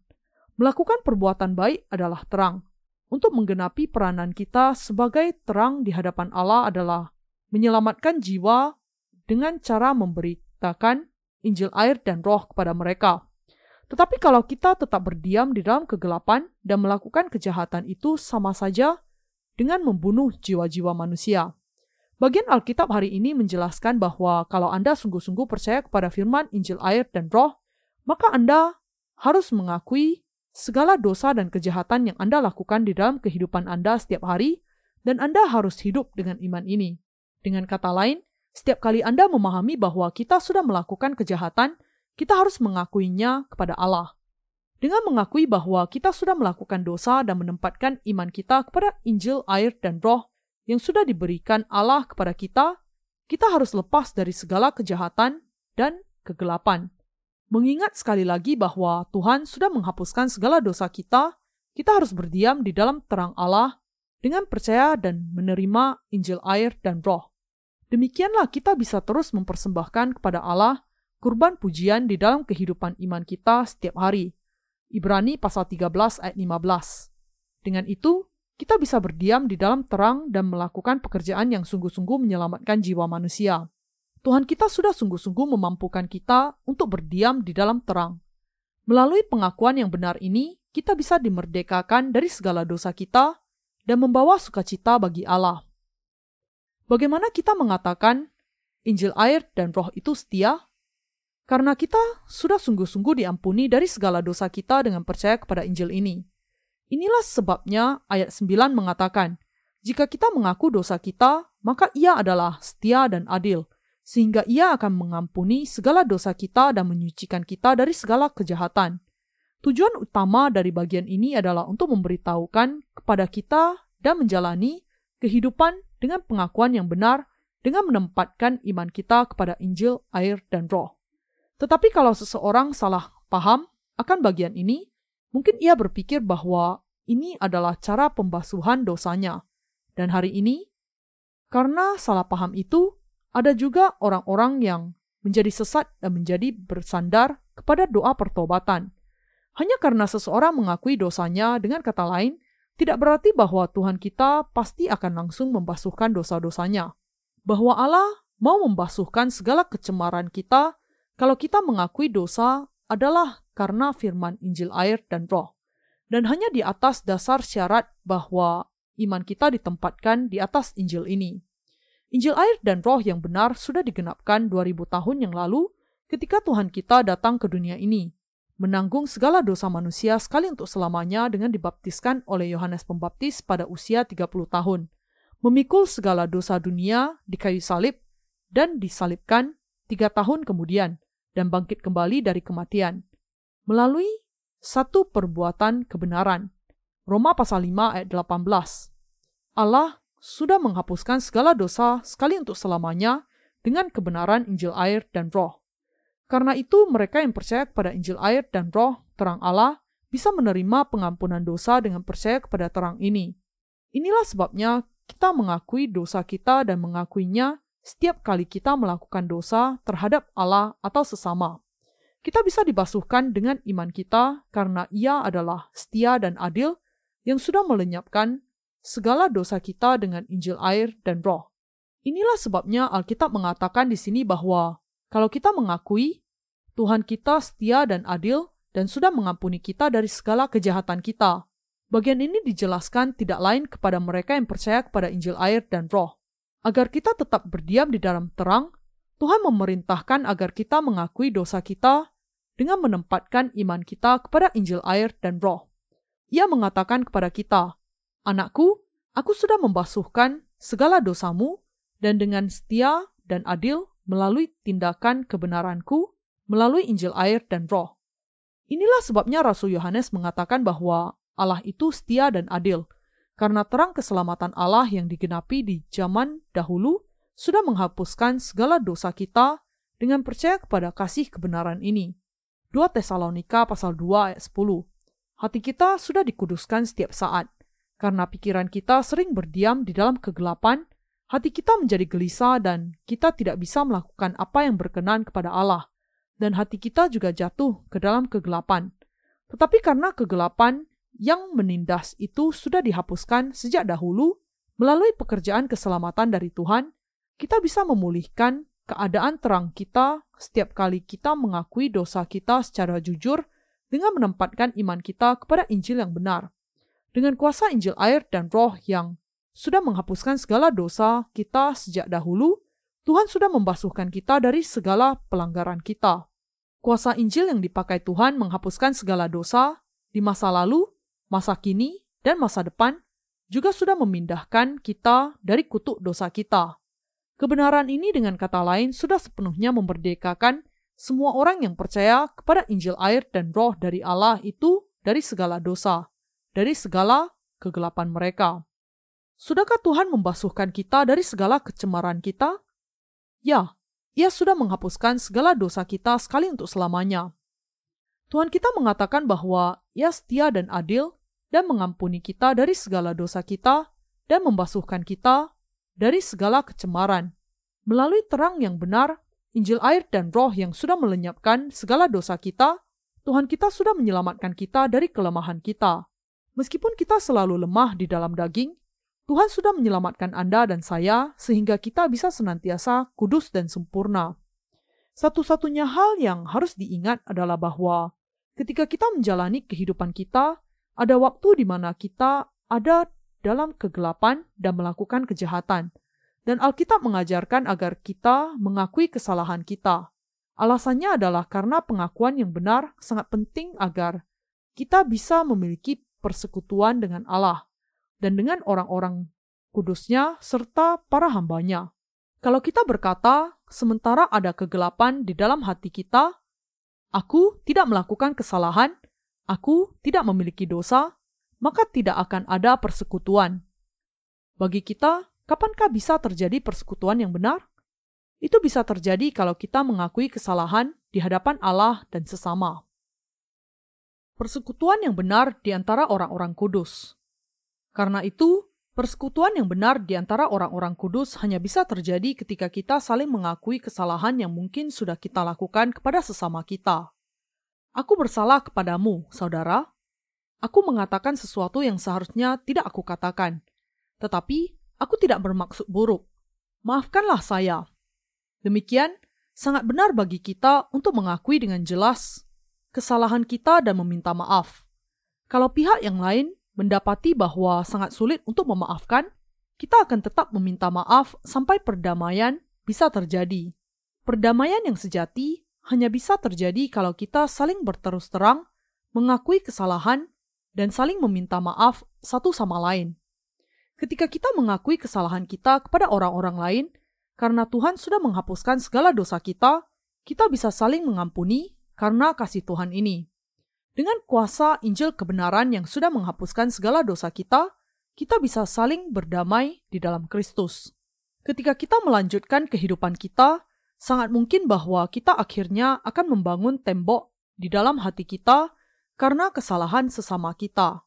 Tetapi ketika kita percaya kepada kuasa Injil air dan roh, kasih Allah yang tidak bersyarat akan mengalir di dalam hati kita dan kasih ini menjadikan kita bisa merobohkan tembok itu di dalam hati kita. Dengan cara ini, semua tembok yang memisahkan kita, orang-orang kudus, dari sesama kita diruntuhkan dengan menempatkan iman kita kepada Injil, air, dan Roh, dan saling mengakui kesalahan kita kepada sesama kita. Karena kita hanyalah sekedar manusia, kita melakukan banyak keburukan dan dosa keji terhadap sesama kita, dan kita akan terus melakukan dosa sampai hari kematian kita. Ketika kita saling dipisahkan karena adanya kesalahan yang demikian, yang memindahkan tembok pemisah itu adalah pengakuan.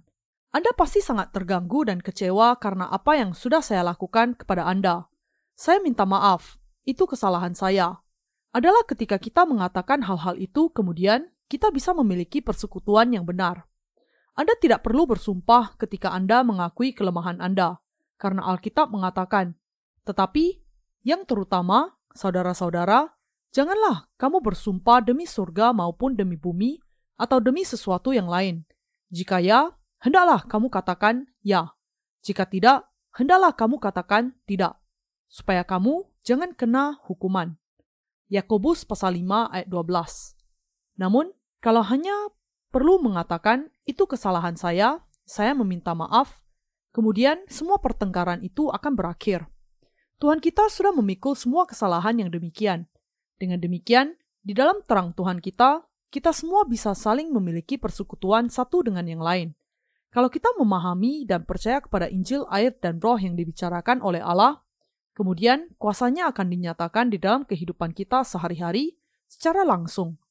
Saudara seiman, yang kuat harus merangkul yang lemah dan yang lemah harus memiliki keyakinan. Mereka yang bisa membuka dirinya kepada orang lain yang lebih lemah dibandingkan dirinya Dan yang bisa mengakui kesalahan mereka adalah orang-orang yang sungguh-sungguh kuat. Ketika masalah muncul di dalam orang-orang kudus, biasanya itu terjadi karena kesalahan kedua belah pihak. Kalau kita hanya menyalahkan satu pihak saja, orang itu akan merasa berat memikulnya dan bahkan akan menyakiti harga dirinya dan itu juga tidak benar di hadapan Allah.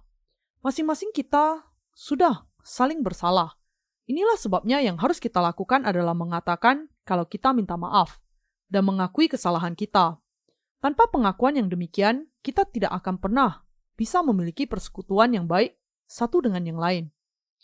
Apa yang terjadi kalau kita tidak mengakui dosa kepada Allah? Tidak ada persekutuan dengan Allah dan sesama kita orang percaya. Kalau tidak ada pengakuan dosa yang benar di dalam kehidupan kita, tidak akan ada persekutuan yang benar dengan Allah dan dengan sesama. Bagaimana dan dengan iman yang bagaimana kemudian kita bisa memiliki persekutuan dengan Allah dan orang-orang benar? Kalau ada suatu kesalahan atau kejahatan yang kita lakukan di hadapan Allah, kita harus mengetahui bagaimana caranya mengakui tindakan kejahatan yang demikian. Allah, saya melakukan dosa ini dan itu. Saya mengetahui kesalahan saya. Ketika kita mengakui semua kesalahan kita kepada Allah seperti ini, Tuhan itu setia dan adil dan akan membasuhkan hati kita dengan Injil air dan roh yang memang sudah menghapuskan segala dosa kita. Tuhan kemudian akan mengatakan kepada kita, Aku sudah menghapuskan bahkan dosa yang itu juga, dan ia akan merangkul kita di tangannya. Dengan kasih kebenarannya yang sudah melenyapkan segala dosa kita. Dalam keadaan kita yang sudah dibasuh dari segala dosa, Tuhan ingin memiliki persekutuan yang benar dengan kita.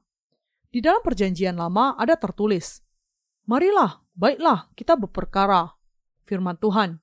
Sekalipun dosamu merah seperti kirmizi, akan menjadi putih seperti salju sekalipun berwarna merah seperti kain kesumba, akan menjadi putih seperti bulu domba. Yesaya pasal 1 ayat 18. Di pihaknya, Allah sudah melalui anaknya, Yesus Kristus, menggenapi pengampunan dosa kita yang sempurna sampai 100% sekali untuk selamanya dengan air, darah, dan roh. 1 Yohanes pasal 5 ayat 3 sampai 7. Setelah membuat anaknya memikul segala dosa dunia, dihukum untuk dosa-dosa itu, dan dengan itu melenyapkan semuanya 100%, Allah Bapa sekarang mengatakan kepada kita untuk percaya kepada hal ini dan mengakui dosa-dosa kita dengan iman. Inilah alasannya kita bisa mengakui dosa di pihak kita. Mengapa? Karena ini menunjuk kepada kenyataan bahwa Allah sudah secara sempurna dan lengkap mengampuni segala dosa kita sampai 100%. Dan adalah karena keadaan ini, kita bisa mengakui dosa dengan sejahtera.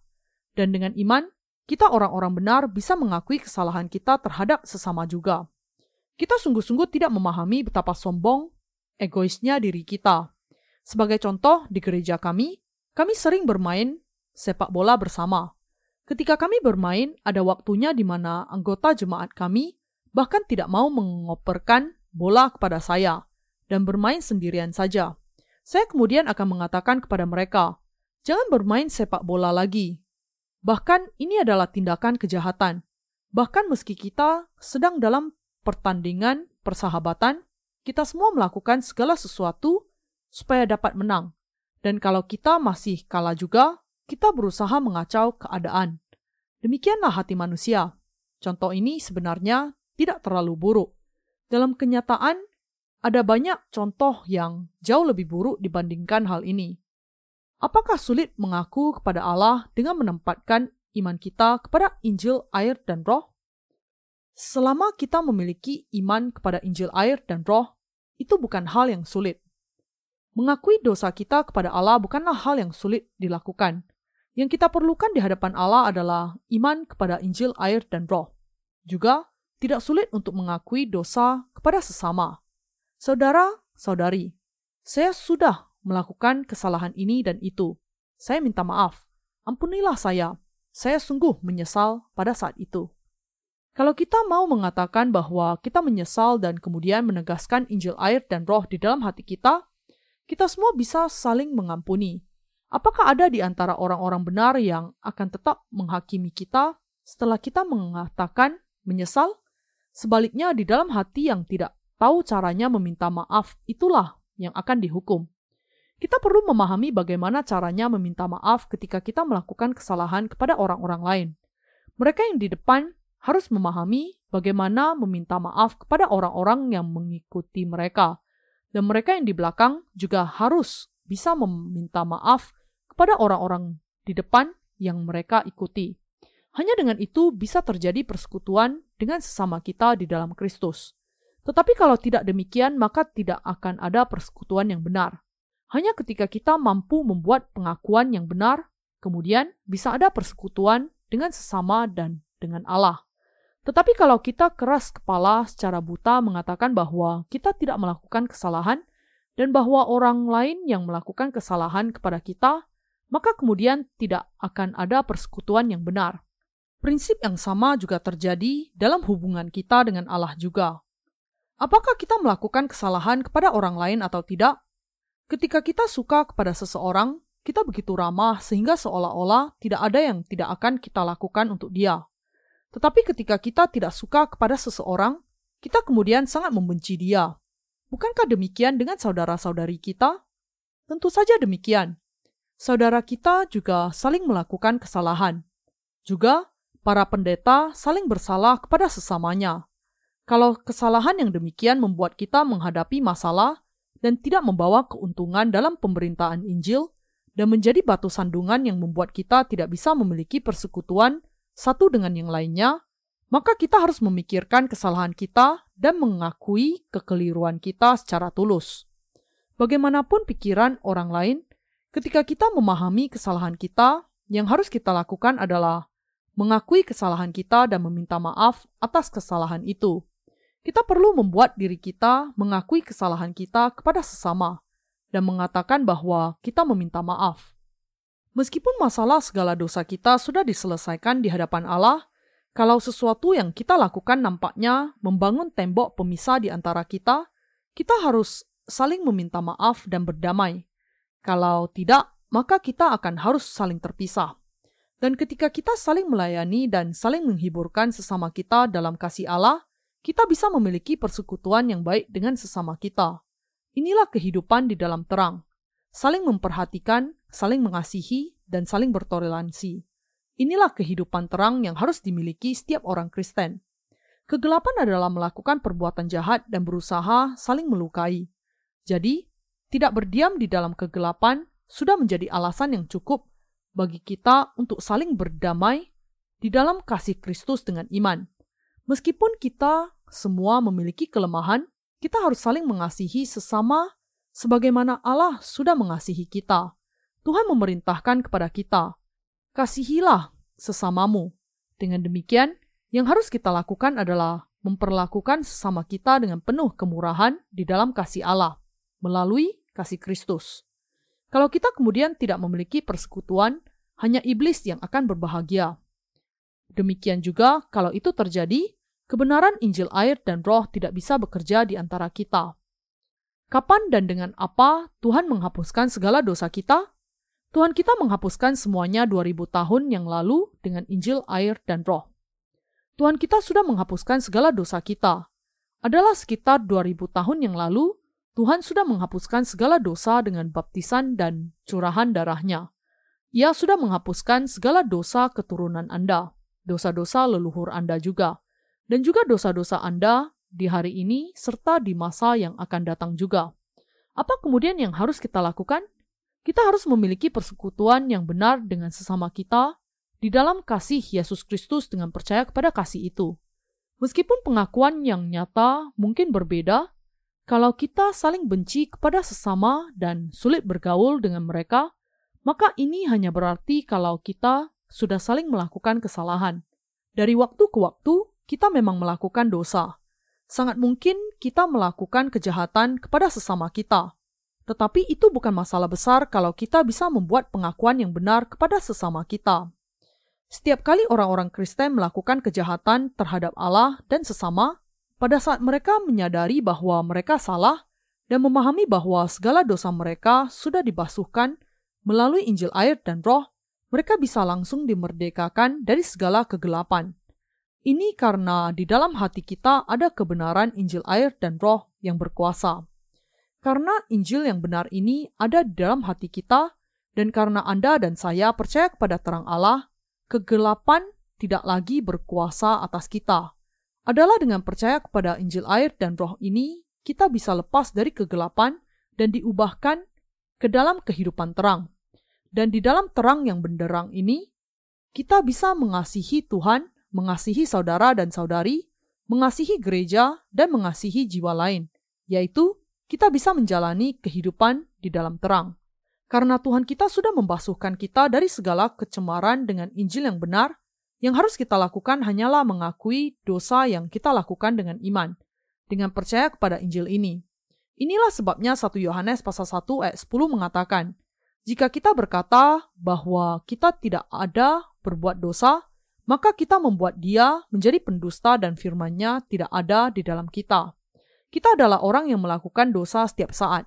Jadi, ketika kita mengenal Injil air dan roh dan juga menyadari kesalahan kita, baik kepada Allah maupun kepada sesama, kuasa firman Injil akan bekerja di dalam kehidupan kita, memastikan bahwa kita tidak akan kekurangan apa pun untuk hidup sebagai anak-anak terang. Melalui Injil air dan roh, kita sekarang menjadi orang-orang yang bisa dengan benar menjalani kehidupan terang. Alkitab mengatakan bahwa kalau kita berkata kepada Allah, kalau kita tidak memiliki dosa, kita menjadikan dia sebagai pendusta. Jadi, setiap hari dan setiap saat, setiap kali kita melakukan dosa, kita harus mengaku kepada Allah bahwa kita sudah melakukan dosa.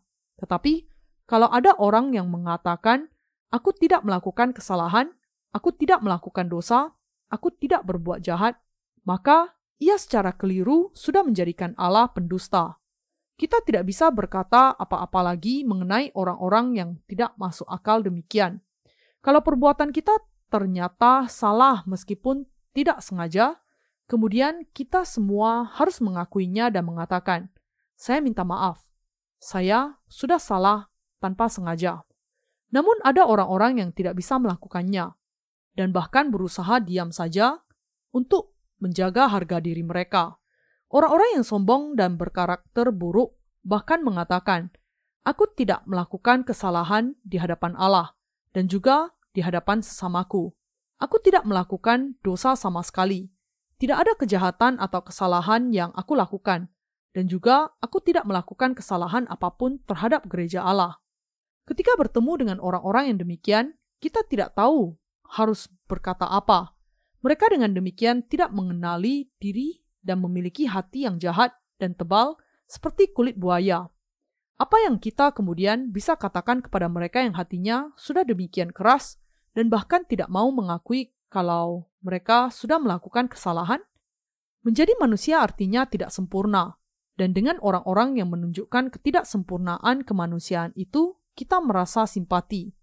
Bagi kita untuk menunjukkan toleransi kepada sesama, tidakkah kita bisa melihat semua ketidaksempurnaan itu di dalam diri kita, bahwa kita memang manusia dengan darah dan daging? Kita, semua orang yang percaya kepada Injil air dan roh, perlu memiliki hati yang lembut, yang berisi Injil kebenaran.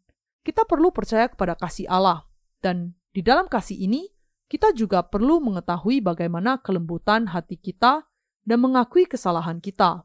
Hati kita masing-masing kemudian akan menjadi lembut, dan damai serta keharmonisan akan menjadi ciri dari hubungan kita di dalam kasih. Kalau hati seseorang terlalu keras untuk mengenali firman Allah, yang akan terjadi adalah kematian rohani. Jenis iman yang demikian tidak tahu bagaimana mengakui dosa dan sama sekali tidak membawa keuntungan apa pun. Ketika kita mengakui kesalahan kita kepada sesama, kita melayani Injil air dan roh, meninggikan kasih Allah menghargai keselamatan yang diberikan Allah kepada kita, bersyukur kepadanya atas berkat-berkatnya, menaikkan syukur dan kemuliaan yang bertahap akan berkat yang akan diberikan kepada kita di dunia yang akan datang. Demikianlah caranya kita menjalani kehidupan yang berhasil. Allah adalah terang, dan agar kita memiliki persekutuan dengan Dia, kita harus memiliki iman kepada Injil air dan Roh. Yohanes, sang rasul, ingin kita berdiri teguh di dalam Injil air dan Roh agar kita bisa terus berdiam di dalam terang Allah dan memiliki persekutuan dengan Bapa dan Anak. 1 Yohanes pasal 1 ayat 3. Tuhan memberikan kepada kita kehidupan kekal melalui Injil air dan roh.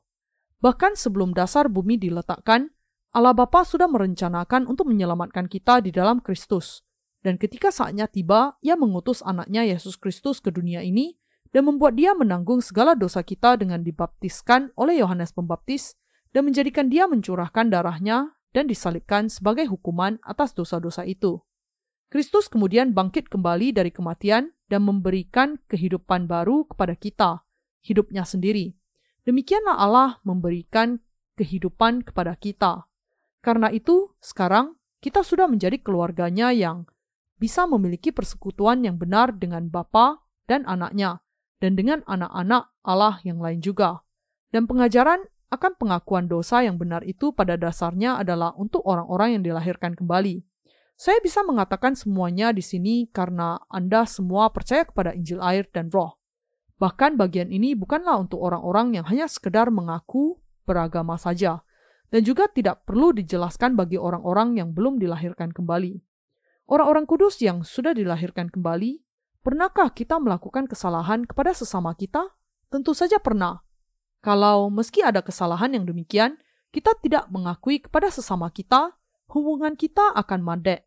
Kita kemudian harus mengakui kesalahan kepada sesama kita dan mengatakan, Aku minta maaf atas kesalahanku. Itu sepenuhnya kesalahanku. Yang harus kita lakukan dengan kata lain adalah mengakui kesalahan kita. Ketika pengakuan dosa yang demikian dilakukan, adakah di antara Anda ada yang akan mengatakan, "Lalu, mengapa Anda melakukan hal itu?" Datanglah kemari dan bayarlah apa yang Anda sudah lakukan. Kalau ada di antara kita yang melakukan hal itu, maka tidak akan ada orang yang akan mengakui kesalahan kepadanya lagi. Kalau kita tidak bisa mengakui kesalahan kepada sesama kita, kemudian tidak akan ada persekutuan atau kesatuan di dalam hati. Ini adalah kehilangan yang sangat besar untuk kita, dan kehidupan yang demikian adalah seperti kehidupan di dalam neraka. Kita tahu bahwa ketika kita mengakui kesalahan kita, di dalam iman kita kepada Injil air dan roh, di sanalah ada persekutuan yang benar. Dan kita sudah sangat sering melihat bahwa di sana ada kasih yang bisa kita temukan. Sekarang ini, ketika Rasul Yohanes mengatakan kepada kita supaya kita mengakui dosa di dalam terang kebenaran Allah, kita perlu memandang ke belakang dan menguji bagaimana kehidupan iman kita. Ketika kita meneruskan kehidupan iman kita, ada saat-saat ketika iblis mengambil kesempatan berusaha untuk memecah belah kita sehingga kita saling berkelahi, saling mengutuk satu dengan yang lain, saling menunjuk, dan saling menghakimi. Tetapi tidak seorang pun yang bisa menghakimi orang-orang benar. Tuhanlah satu-satunya hakim. Dan karena Tuhan sudah mengasihi kita, ia sudah menghapuskan segala dosa kita dengan Injil air dan roh. Yang harus kita lakukan hanyalah mengakui kesalahan kita kepada Allah dan kepada sesama kita. Tidak ada hal yang lain yang harus kita lakukan. Siapa yang bisa menghakimi siapa? Tidak ada hakim yang lain selain Yesus Kristus. Juga, tidak ada orang yang lebih benar dibandingkan yang lainnya. Mereka yang percaya kepada Injil air dan roh memiliki taraf kebenaran yang sama. Satu-satunya yang memisahkan manusia satu dengan yang lainnya adalah apakah orang itu percaya kepada Injil air dan roh atau tidak. Tidak ada yang lain yang memisahkan kita. Adalah karena iblis sudah menaburkan ilalang di seluruh dunia dan merusakkan semua sehingga orang-orang Kristen sampai hari ini masih berpegang kepada keyakinan yang keliru. Sampai saat ini manusia hanya mempelajari kekeliruan yang demikian. Dan karena itu, ketika mereka mendengar khotbah kami, mereka merasa asing dengan khotbah itu. Dan ada juga orang-orang yang mengatakan tidak mau percaya kepada apa yang mereka dengar, karena sangat bertentangan dengan khotbah mereka sendiri. Ketika kita mendengar apa yang dikotbahkan para pendeta yang mengaku Injili dan apa yang dikotbahkan oleh pendeta yang percaya kepada Injil air dan roh, kita bisa langsung memahami dengan mudah bahwa khotbah-khotbah itu memang bertentangan. Semuanya bertentangan 100%. Seorang jemaat yang menghadiri sebuah gereja Injili suatu saat mendengar khotbah saya dan berkata kepada saya, Anda sangat berbeda dengan pendeta di gereja saya. Anda mengambil dari bagian Alkitab yang sama, tetapi khotbah Anda memiliki kesimpulan yang sangat bertentangan. Lalu saya berkata kepadanya, "Ya, Anda benar. Lalu salah satu dari kami pasti yang benar." dan yang lainnya pasti salah. Khotbah siapa yang menurut Anda benar? Ia lalu mengatakan bahwa menurutnya khotbah pendetanya yang benar. Tentu saja ia akan merasa demikian, tetapi Anda harus mengambil firman Allah sebagai patokan Anda dan secara objektif memperhatikan apa yang sebenarnya dimaksud di sana. Karena firman Allah adalah satu-satunya pedoman yang bisa mengakhiri semua perdebatan rohani. Adanya persekutuan dengan Allah berarti bahwa ada persekutuan yang benar di dalam kasih Injilnya. Inilah sebabnya 1 Yohanes pasal 2 ayat 1 sampai 2 mengatakan, Anak-anakku, hal-hal ini kutuliskan kepada kamu supaya kamu jangan berbuat dosa. Namun, jika seorang berbuat dosa, kita mempunyai seorang pengantara pada Bapa, yaitu Yesus Kristus yang adil, dan ia adalah pendamaian untuk segala dosa kita, dan bukan untuk dosa kita saja, tetapi juga untuk dosa seluruh dunia. Untuk menghapuskan segala dosa dunia, Tuhan kita datang ke dunia ini, menanggung segala dosa dunia dengan dibaptiskan oleh Yohanes Pembaptis, dan dihukum bagi dosa-dosa itu dengan naik ke kayu salib dan mencurahkan darahnya di sana. Sebelum mempersembahkan tubuhnya kepada Allah Bapa, Tuhan kita terlebih dahulu menerima dosa-dosa dengan dibaptiskan oleh Yohanes Pembaptis. Hanya setelah itu ia meletakkan hidupnya di kayu salib dan mempersembahkan tubuhnya kepada Allah. Dengan cara ini, Tuhan sudah menjadi pengganti bagi dosa-dosa kita yang sudah memisahkan manusia dengan Allah. Karena Tuhan kita menjadi korban persembahan kita, kalau kita manusia mau percaya kepada Yesus Kristus yang sudah menghapuskan segala dosa kita dengan Injil air dan roh, kita akan menerima berkat-berkat pengampunan dosa, menjadi anak-anak Allah, dan dengan berani datang serta berdiri di hadirat Allah. Dan Allah Bapa sudah menerima sebagai anak-anaknya semua orang yang percaya kepada Injil kebenaran ini, bahwa anaknya sudah menghapuskan segala dosa kita dengan Injil air dan roh. Karena kita percaya kepada Injil kebenaran ini, kemudian tidak ada lagi halangan bagi Allah untuk menjadikan kita anak-anaknya. Allah sudah menjadikan kita yang percaya kepada Injil yang benar, terang, dan anak-anaknya. Ia sudah memampukan kita untuk hidup sebagai terang bagi dunia ini, dan ia sudah menerima kita sebagai warga kerajaannya yang akan datang. Karena itu, kita harus memahami betapa pentingnya pengakuan yang benar yang dibuat di dalam Injil, air, dan Roh. Kita harus sungguh-sungguh memahami dan percaya bagaimana pengakuan ini adalah obat yang tepat untuk mencerahkan hati kita, orang-orang benar yang sudah menerima pengampunan dosa. Bagi kita yang sungguh-sungguh menjadi orang-orang benar, semuanya memiliki kemampuan untuk membuat pengakuan yang benar. Allah sudah menjadikan orang-orang yang percaya kepada Injil, air, dan Roh sebagai anak-anaknya yang bisa membuat pengakuan yang benar ini. Kalau Anda dan saya melakukan dosa dan melakukan kesalahan karena kelemahan kita, yang harus kita lakukan adalah mengakuinya, dan kita harus percaya lagi bahwa Tuhan sudah menanggung segala dosa kita dan semua kutuk kita sehingga ia datang ke dunia ini.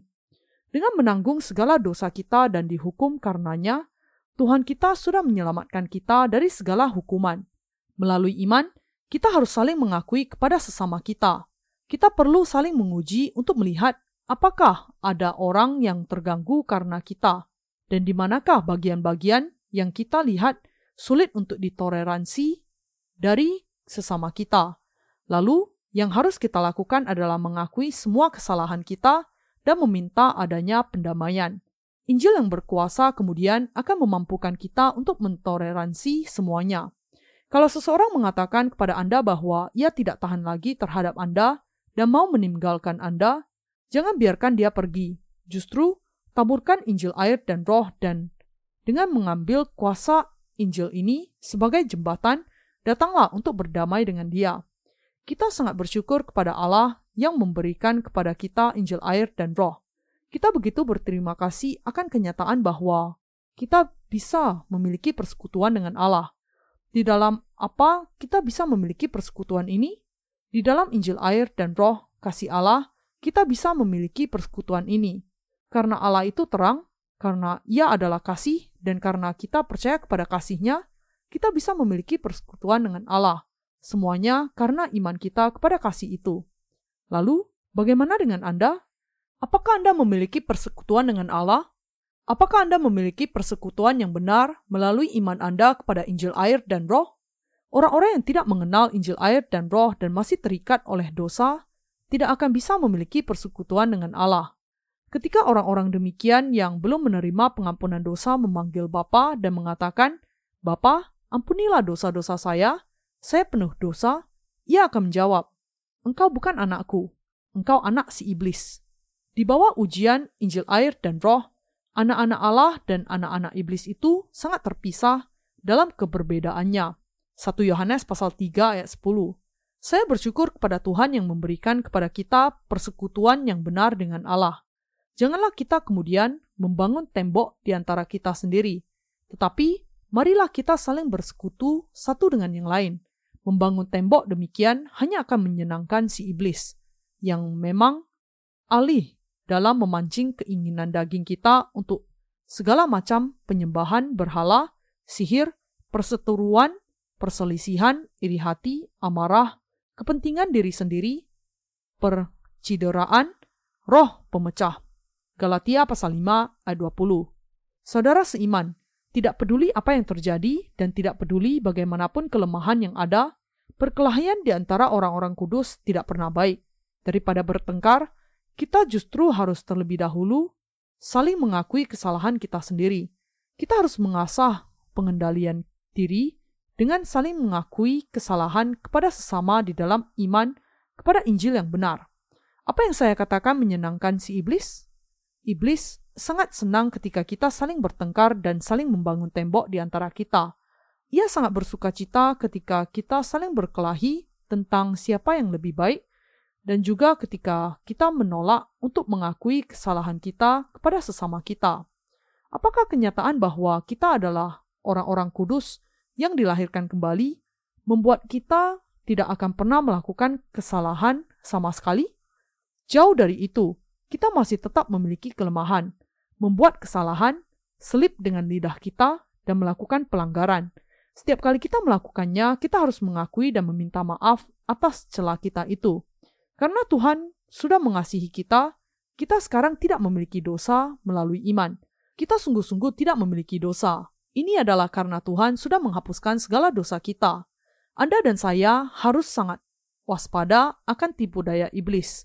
Iblislah yang memunculkan pertentangan di antara manusia. Kalau kita jatuh ke dalam jebakannya dan bertengkar dengan sesama kita, kita tidak akan bisa melayani Injil dan mati secara rohani. Daripada saling menunjuk sesama kita, pikirkan terlebih dahulu mengenai kesalahan kita di hadapan Allah. Bukan apa yang dikatakan oleh orang lain, tetapi diri kita yang harus kita uji. Kita kemudian akan memahami bahwa kita sudah melakukan kesalahan dan bahwa yang harus kita lakukan adalah mengakui kesalahan kita kepada sesama kita dan memperbaiki kesalahan kita masing-masing. Kalau kita tidak bisa memperbaiki diri sampai 100%, biar bagaimanapun kita berusaha, maka kita harus hidup dengan iman sampai hari Tuhan kita datang kembali. Bahkan ketika kita masih memiliki kekurangan, kita harus memiliki iman yang berhikmat dan kita dengan itu harus menghancurkan rancangan iblis dengan iman kita kepada Injil air dan roh. Dengan mengakui semua pelanggaran kita dan percaya kepada Injil air dan roh, kita harus berdiam di dalam terang. Saya menaikkan syukur saya kepada Allah.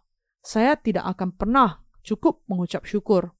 Ada begitu banyak pekerjaan yang perlu kita lakukan di hadapan Allah untuk memberitakan Injil air dan roh. Kalau kita senantiasa melakukan pekerjaan ini, Injil akan semakin tersebar mencapai ribuan kali lipat dan puluhan ribu kali lipat. Tuhan akan memastikan dan tidak gagal bahwa kita memang akan mencapai hal itu. Bagaimana kita bisa mencapai hal itu dengan kekuatan kita sendiri? Hanya karena Allah memberikan kekuatan kepada kita sajalah kita bisa mencapainya. Bukankah demikian? Tentu saja demikian. Kepada orang-orang di dunia ini, kita memberitakan Injil air dan roh. Allah sudah mempercayakan kita dengan pekerjaan baik, mengabarkan Injil ini, dan melalui kita ia bekerja. Ini kebenaran. Kita sekarang benar-benar memberitakan Injil ke seluruh dunia.